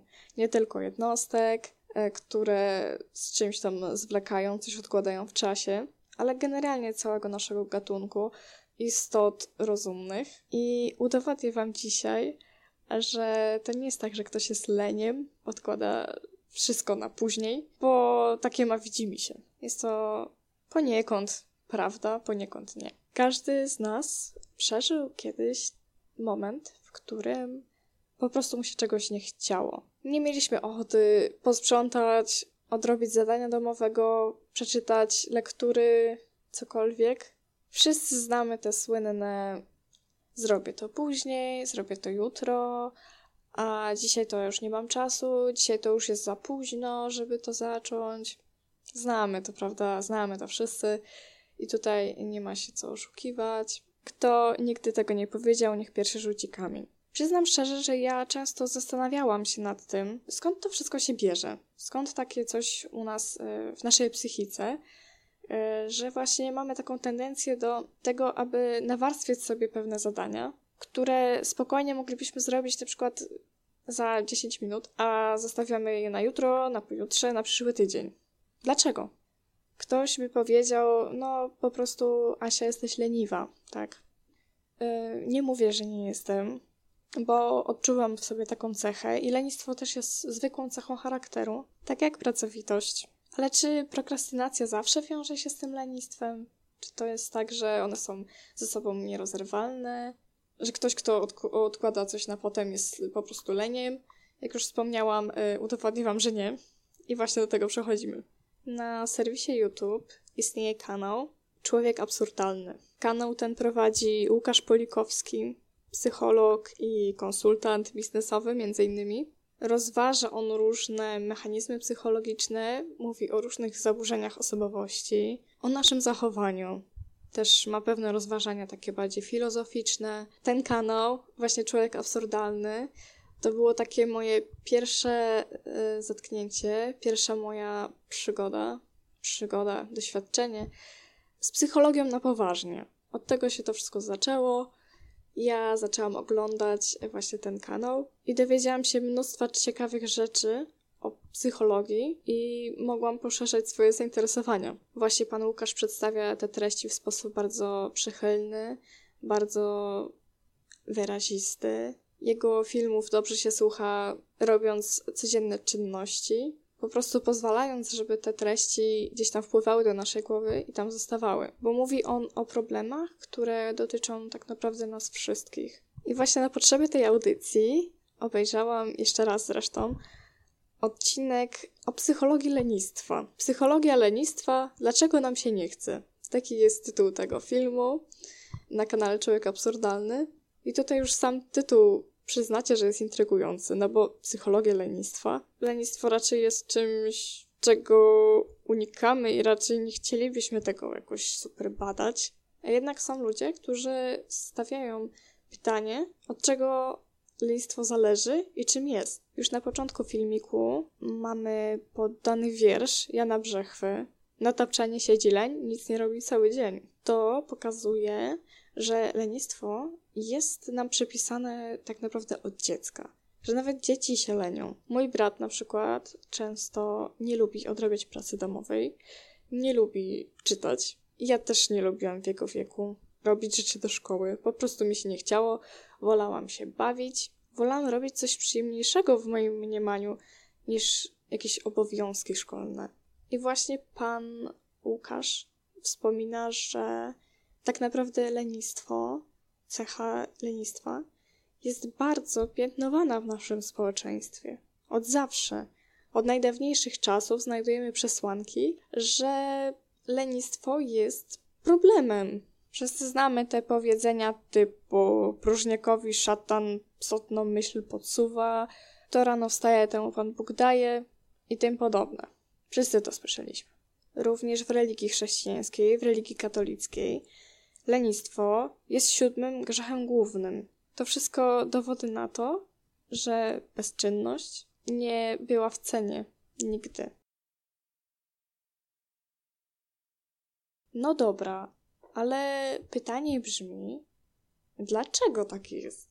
Dlaczego ludzie się tak zachowują? Czy to jest tak, że my chcemy sobie szkodzić albo szkodzić komuś innemu? No bo bezczynność prowadzi do destrukcji. Bo gdy nic nie robimy, nie wykonujemy żadnych obowiązków, tak naprawdę niewiele mamy, bo wielu rzeczy nikt za nas nie zrobi. Musimy sami sobie posprzątać, odrobić swoje zadania do pracy, do szkoły. Musimy coś od siebie w tym świecie dawać, bo społeczeństwo, w którym żyjemy, jest pewnym mechanizmem, który działa na pewnych trybikach. I każda część tego społeczeństwa wykonuje własne zadanie, ma przypisaną swoją rolę. Gdyby nagle prokrastynacja stała się zjawiskiem powszechnym, bardzo silnym, to nie mielibyśmy lekarzy, nauczycieli, nie przyjechałaby do nas karetka, gdybyśmy potrzebowali, ani panowie by nie skończyli remontu na czas, bo by im się nie chciało i odłożyliby to na na przykład pojutrze. Bo dlaczego nie? A dlaczego tego nie robią? Dlaczego ludzie wykonują swoje obowiązki zawodowe? Dlaczego na przykład wykładowca wstaje rano i prowadzi dla nas wykład? Przecież gdyby tylko chciał, mógłby tego nie robić. Teoretycznie, prawda? Tylko pytanie, za co miałby otrzymać zapłatę? Za co miałby otrzymać, utrzymać swoją rodzinę? Ale czy tu chodzi tylko o pieniądze? Bo czym mogą być pieniądze dla człowieka? Czymś, co jest konieczne w dzisiejszym świecie, to wiemy, ale jest to pewna motywacja do naszej pracy. My, jako ludzie, potrzebujemy pewnych bodźców motywujących. Musimy odczuwać realny sens naszej pracy. Jednym z sensów, takim bardziej, bym powiedziała, codziennym, takim szybkim i namacalnym, są właśnie pieniądze, które dostajemy za naszą pracę, którą wykonujemy, której nie, nie odkładamy na później. Ale możemy mieć też inne motywacje, bardziej głębokie, na przykład odniesienie sukcesu, poczucie dumy z własnych działań. Jak na przykład jakiś projekt nam się uda, jesteśmy przeszczęśliwi. Również duma naszego otoczenia, naszych rodziców, naszych partnerów, naszych znajomych. jeżeli są prawdziwi, to są wszystko takie nasze małe motywatory, z których niekoniecznie zdajemy sobie sprawę na co dzień. Bo kto codziennie się zastanawia, czy on będzie z tego dumny, czy nie, jak wraca po 8-godzinnej zmianie do domu. Jednak następnego dnia wstaje i nadal tam idzie. Nie, pro, nie prokrastynuje, bo w pracy zawodowej mamy więcej motywatorów. Mamy szefa, który od nas wymaga, współpracowników, którzy na nas patrzą, na nasze działania, pensja, która wpływa co miesiąc. To wszystko nas motywuje do działania. No dobra, a na przykład siedząc w domu, mając napisać pracę na studia, czy tak chętnie zawsze siadamy i to robimy? No nie bardzo, bo jednak tych motywatorów troszeczkę zaczyna brakować. Nie mamy osoby przełożonego, który nas pilnuje. Nie dostajemy za to żadnego wynagrodzenia. Też niekoniecznie chwalimy się gdzieś tą swoją pracą. Jeżeli to jest praca, którą na przykład odrabiamy na zajęcia. Też nie pokazujemy ją wszystkim. Czyli nie mamy tego motywującego czynnika z zewnątrz. No to w sumie okazuje się, że po co to robić, prawda? Na pewno każdy z Was chociaż raz sobie pomyślał, dlaczego ja mam to robić i w jakim celu. Czy to mi coś da? Czy to jest dla mnie coś ważnego? Przecież to jest tylko do odbębnienia, moim zdaniem, i niewiele z tego wyniosę namacalnych korzyści dla siebie. Słowo klucz połączeniu z prokrastynacją to motywacja lub brak motywacji. No ale dobra, ktoś by mi teraz powiedział, Asia, ty mówisz o motywacji, a ja mam w poniedziałek deadline i muszę to zrobić, a mi się tak nie chce, że nawet sobie nie wyobrażasz. No i tu, moi drodzy, przejdziemy do przyczyn prokrastynacji, bo są one dosyć nieoczywiste. A może ty się boisz swoich działań i ich wyniku? Weźmy sytuację. Masz posprzątać pokój. Bardzo ci się nie chce, straszliwie ci się nie chce. Dlaczego? A może boisz się, że jest to nieprzyjemne? Może boisz się tego, że będą cię bolały plecy, y, nogi, nie wiem, będziesz się czuł zmęczony, zmęczona? Mimo, że ty zdajesz sobie sprawę z tego, że ta czynność ci pomoże, że będziesz miał czysto w pokoju, y, że po prostu będzie ci przyjemniej w nim żyć, a jednak coś cię tam blokuje, prawda? Tak samo weźmy troszeczkę grubsze sprawy, na przykład robisz projekt. Bardzo ci na nim zależy, bo od niego na przykład zależy twój awans. I czujesz taką presję na sobie, taką presję, że musisz to dobrze zrobić, bo inaczej nie dostaniesz tego awansu. To jest twój stresor, który cię napędza negatywnie, że odkładasz to w czasie, myślisz, twój, twój mózg podświadomie sobie myśli, a może mnie to ominie, jak troszeczkę to z, z tym zwlekę, a może ktoś to zrobi za mnie, prawda?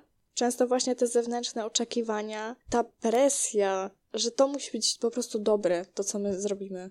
Że to musi być szybko, sprawnie, na temat i dobrze. No i przychodzi na przykład właśnie tydzień przed oddaniem. Odczuwamy po prostu zwyczajną blokadę i sobie wmawiamy, że nam się nie chce. A tak naprawdę obawiamy się tego, co nastąpi po tym. Tak samo człowiek absurdalny wspomina w swoim filmie, że czasami mamy strach przed sukcesem że nam się coś uda i na przykład będziemy musieli zmienić miejsce zamieszkania, bo dostaniemy lepszą pracę, będziemy musieli porzucić swoje obecne życie dla naszej jakiejś zmiany. To są wszystko czynniki, od których mimowolnie uciekamy. Warto być świadomym takich mechanizmów, które nami rządzą, bo wtedy łatwiej jest nad tym wszystkim panować. I przede wszystkim wiemy, skąd to, skąd to wynika w nas. Takie właśnie działanie bądź brak działania. Okej, okay, co jeszcze? A może nie lubisz tego, co robisz? Jeżeli głębiej się zastanowić, to pomyśl, czy lubisz na przykład swoje studia? Czy to jest kierunek, który ci odpowiada? Jeżeli nie chce ci się na niego nic robić, totalnie nic, to prawdopodobnie znasz odpowiedź na to pytanie. Jeżeli już cię nie interesuje, jeżeli nie chcesz czytać na ten temat, jeżeli nie chcesz po prostu rozwijać swojej wiedzy w danej dziedzinie, to po prostu spróbuj sobie to uświadomić, że to nie jest droga dla ciebie. I pamiętaj, że nigdy nie jest za późno na zmiany. Człowiek absurdalny używa terminu wypalenia zawodowego. Jeżeli wasi rodzice na przykład pracują ileś lat w jednym zawodzie, w jednej firmie, nawet jeżeli na początku kochali to, co robią, to może się pojawić taka pewna frustracja, taka pewna niemoc z czasem, że może jednak to już nie ma sensu, może to jednak nie dla mnie i może to spotkać każdego z nas na każdym etapie życia. jednym właśnie z objawów, nazwijmy to, wypalenia zawodowego jest prokrastynacja. Po prostu. Po prostu nam się nie chce. Jeżeli tak głębiej o tym pomyślimy, to może się okazać, że to jednak nie jest tak, że jesteśmy leniwi, tylko zwyczajnie coś nam nie odpowiada. Wielu z Was na pewno przeżyło taki okres w życiu, że chodziliście do pracy, której nie lubiliście za bardzo. I codziennie rano, musząc do niej wstawać, mieliście takie: Boże, jak mi się nie chce. Tak mi się nie chce, że nie mam na to słów i najchętniej bym zasnęła i nie wstawała do jutra. A na przykład poszliście kiedyś na jakieś zajęcia, które lubiliście, na jakiś kurs, kto wie. I codziennie, jak przychodziła jego godzina, było takie: Jest, w końcu. W końcu pójdę, się rozerwę, czegoś się nauczę, spędzę miło czas. Chyba znajome, prawda? Pamiętajmy więc o tym, że prokrastynacja może być naszym drogowskazem, naszym alarmem, że może coś nie do końca w tym życiu jest w porządku. Może czegoś nam brakuje, albo żyjemy w toksycznym związku, chodzimy do pracy, która nie daje nam satysfakcji, albo nawet bym powiedziała, obniża nasze morale. Na to pytanie musicie już odpowiedzieć sobie sami. W filmie Człowieka Absurdalnego pada też takie, taki termin psychologiczny jak wyuczona bezradność. Ja przyznam szczerze, że wcześniej o tym nie słyszałam, ale jakby robiąc research do tej audycji, mm, poczytałam troszeczkę o tym. No bo pan Łukasz Polikowski stawia pytanie, dlaczego taki stereotypowy kanapowy ziemniak wydaje się zadowolony z tego, co robi, tak? Że sobie leży na kanapie, że ogląda telewizję, nie wiem, podjada sobie. Mamy wrażenie, że to mu odpowiada, że to jest właśnie jego tryb życia i tak ma być. A może się okazać, że właśnie mamy do czynienia z wyuczoną bezradnością. To jest taki stan, w którym wydaje nam się, że nasze działania nie mają realnego wpływu na otoczenie, na rzeczywistość, na to, co się z nami dzieje. Jest to związane z behawioryzmem. Behawioryzm to jest taki nurt psychologiczny, który opiera się na powiązaniach między zachowaniami człowieka. Behavior to jest zachowanie po angielsku. Między zachowaniami człowieka, a bodźcami z zewnątrz. Ten nurt zakłada, że człowiek oddziałuje z otoczeniem stale, na zasadzie tak zwanego warunkowania, czyli uczy się pewnych nawyków z otaczających go bodźców. Jest to bardzo głęboki temat, na pewno na oddzielną audycję, ale podam wam przykład. Załóżmy pies, dostaje jedzenie od nas, tak? I zawsze dostaje to jedzenie od nas w czerwonej misce. To z czasem może się okazać, że ta czerwona miska już zawsze mu się będzie kojarzyła z jedzeniem. Że będzie po prostu wiedział, że tam znajdzie jedzenie. O odpowiedniej porze, oczywiście. Nie w innej misce, nie pod stołem, nie za drzwiami, tylko właśnie w tej czerwonej misce, bo on się tego nauczył z otoczenia. Takim samym prawom podlegają ludzie. Też uczymy się pewnych rzeczy. Na przykład zapach kwiatów kojarzy nam się pozytywnie z przyrodą, ze słońcem, z powietrzem, bo w takich warunkach kwiaty wąchamy, tak? A na przykład produkt, którym się kiedyś otruliśmy, albo który nawet zjedliśmy po otruciu, będzie kojarzył nam się negatywnie właśnie z tą sytuacją. I może się okazać, że przestaliśmy go lubić po jakimś czasie.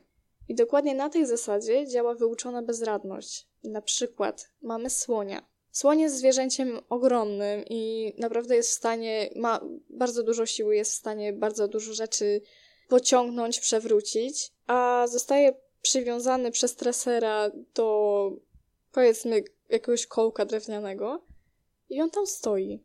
Mimo, że nie chce, mimo, że chciałby sobie pobiegać, iść na wolność, to jednak tam stoi. Dlaczego? Właśnie został uwarunkowany przez tresera, który nie pozwala mu opuszczać tego miejsca. I albo słoń dostaje nagrodę za to, że stoi w tym miejscu, na przykład smakołyk, albo dostaje karę za to, że się ruszy. Być może nawet fizyczną.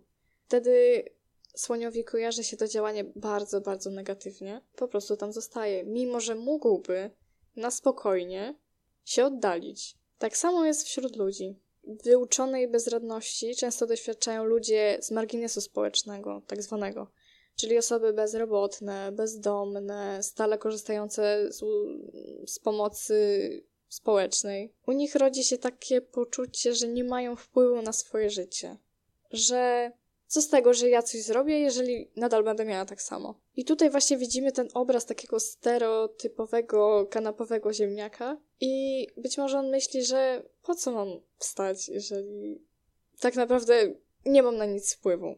Jest to również jedna z przyczyn prokrastynacji. Bardzo dojmująca, niestety realna.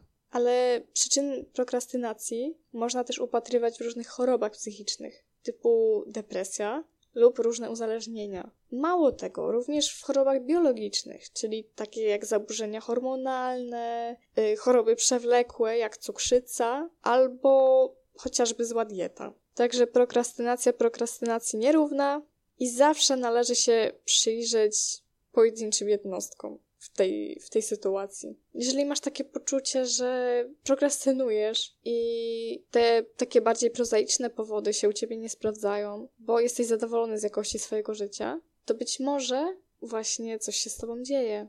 I radzę naprawdę Wam wszystkim, żeby troszeczkę tak od czasu do czasu zajrzeć w siebie, przeanalizować różne swoje zachowania, czy może wszystko tam jest ok. Wiecie o co mi chodzi.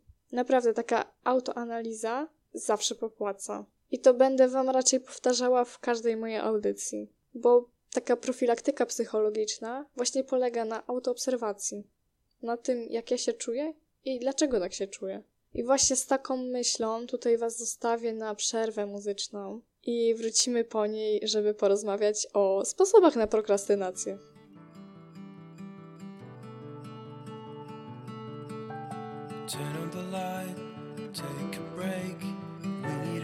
Rest. Our eyes and our heart open. Now I see a light. Know we should try to keep alive.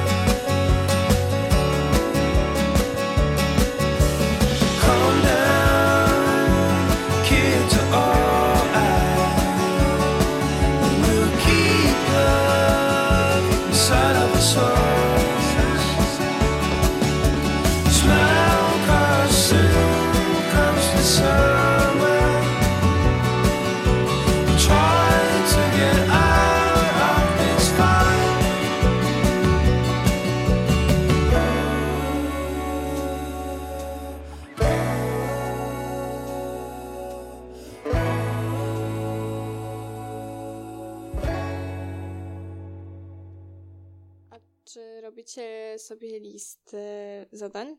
Ja nigdy nie byłam jakoś tak za bardzo zwolenniczką tej metody, bo wydawa... ja ogólnie nie lubię za bardzo planować jakby swojego życia do przodu. Ale tak jakoś to polecano wszędzie i spróbowałam. Okazuje się, że to nie jest wcale takie głupie, że to działa. I zachęcam każdego z Was, kto jeszcze tego nie robił, żeby spróbował, czy jemu się to sprawdza, czy nie. Bo znam osoby, które planują od zawsze, a niektóre osoby naprawdę tego nie lubią i to się nigdy u nich nie sprawdzało, bo nigdy nie wykonywali tych zadań, które tam mieli napisane. Ale jest kilka takich ważnych zasad robienia list, które dają większą gwarancję, że ona się u nas sprawdzi. Między innymi wpisywanie tylko kilku zadań dziennie. Naprawdę nie trzeba wpisywać ich 20, wystarczy wpisać 5, aby tylko je wykonać. To jest najważniejsze, żeby wykonać zadania, które wypisaliśmy. Warto również ustalić ich priorytetowość. Na przykład jedno, dwa zadania są dzisiaj najważniejsze, must have, muszę je dzisiaj zrobić, bo na przykład jutro oddaję tą pracę, albo przychodzą do mnie goście, dzisiaj musowo. Ale może macie też zadania, które warto zrobić, ale nie są one konieczne na już. Na przykład musicie posprzątać pokoju, albo pouczyć się angielskiego. To są rzeczy, które są do zrobienia, ale jeżeli by się tak stało, żebyście ich nie wykonali z jakiegoś powodu, to świat się nie zawali.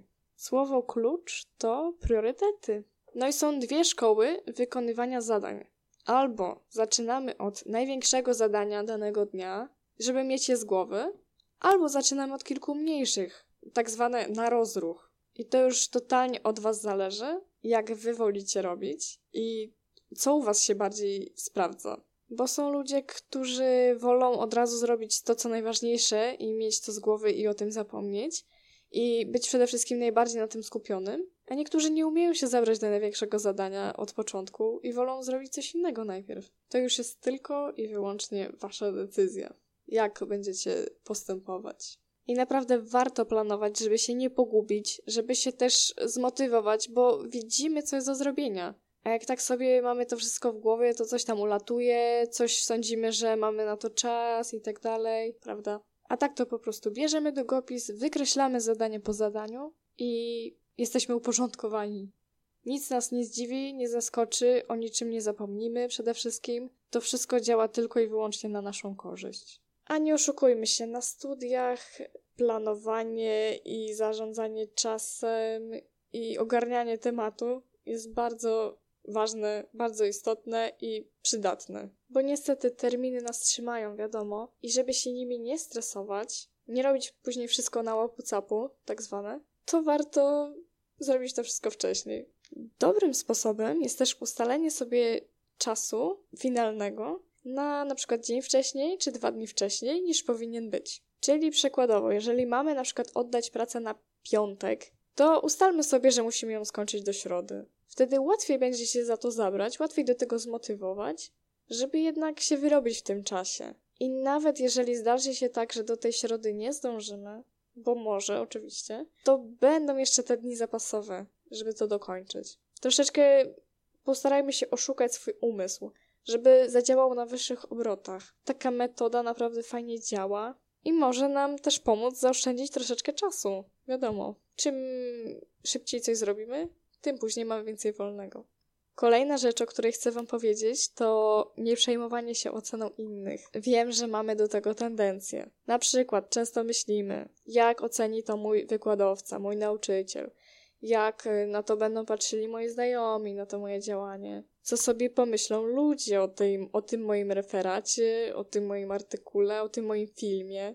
A najważniejsze jest to, żeby Tobie się to podobało. Tobie się to podobało i Tobie się przy tym dobrze pracowało. Dlatego popracuj nad tym, żeby pozbyć się tej presji otoczenia. Bo najfajniejsze działanie naukowe, artystyczne jest własne. Nie czyjaś kserokopia, nie czyjeś upodobania na papierze, tylko moje własne. To, co ja uważam, moje poglądy, moje przekonania i moje spojrzenie na świat. To jest właśnie taki też sposób na to, żeby tą prokrastynację troszeczkę odsunąć, bo jednak to, za co my się bierzemy, za co my pobieramy odpowiedzialność, jest nasze, za to po prostu łatwiej nam się wziąć, bo czujemy, że to jest w naszej mocy, żeby to wyszło tak, jak chcemy. Kolejna rzecz, o której chcę powiedzieć, to odłóż rozpraszacze. Czyli na czas pracy telefon ląduje najlepiej w szufladzie.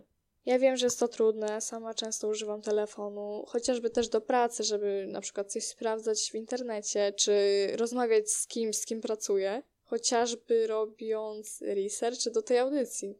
Ale kiedy potrzebujemy się naprawdę na czymś skupić i nie używamy do tego telefonu, to naprawdę go odłóżmy, bo będzie nas tylko rozpraszał. Przychodzące powiadomienia, wiadomości, wszyscy to znamy i to naprawdę może przeszkadzać. Ja wiem, że jest to fajne i ciężko się od tego odciąć, ale naprawdę radzę Wam spróbować. Zobaczycie różnicę.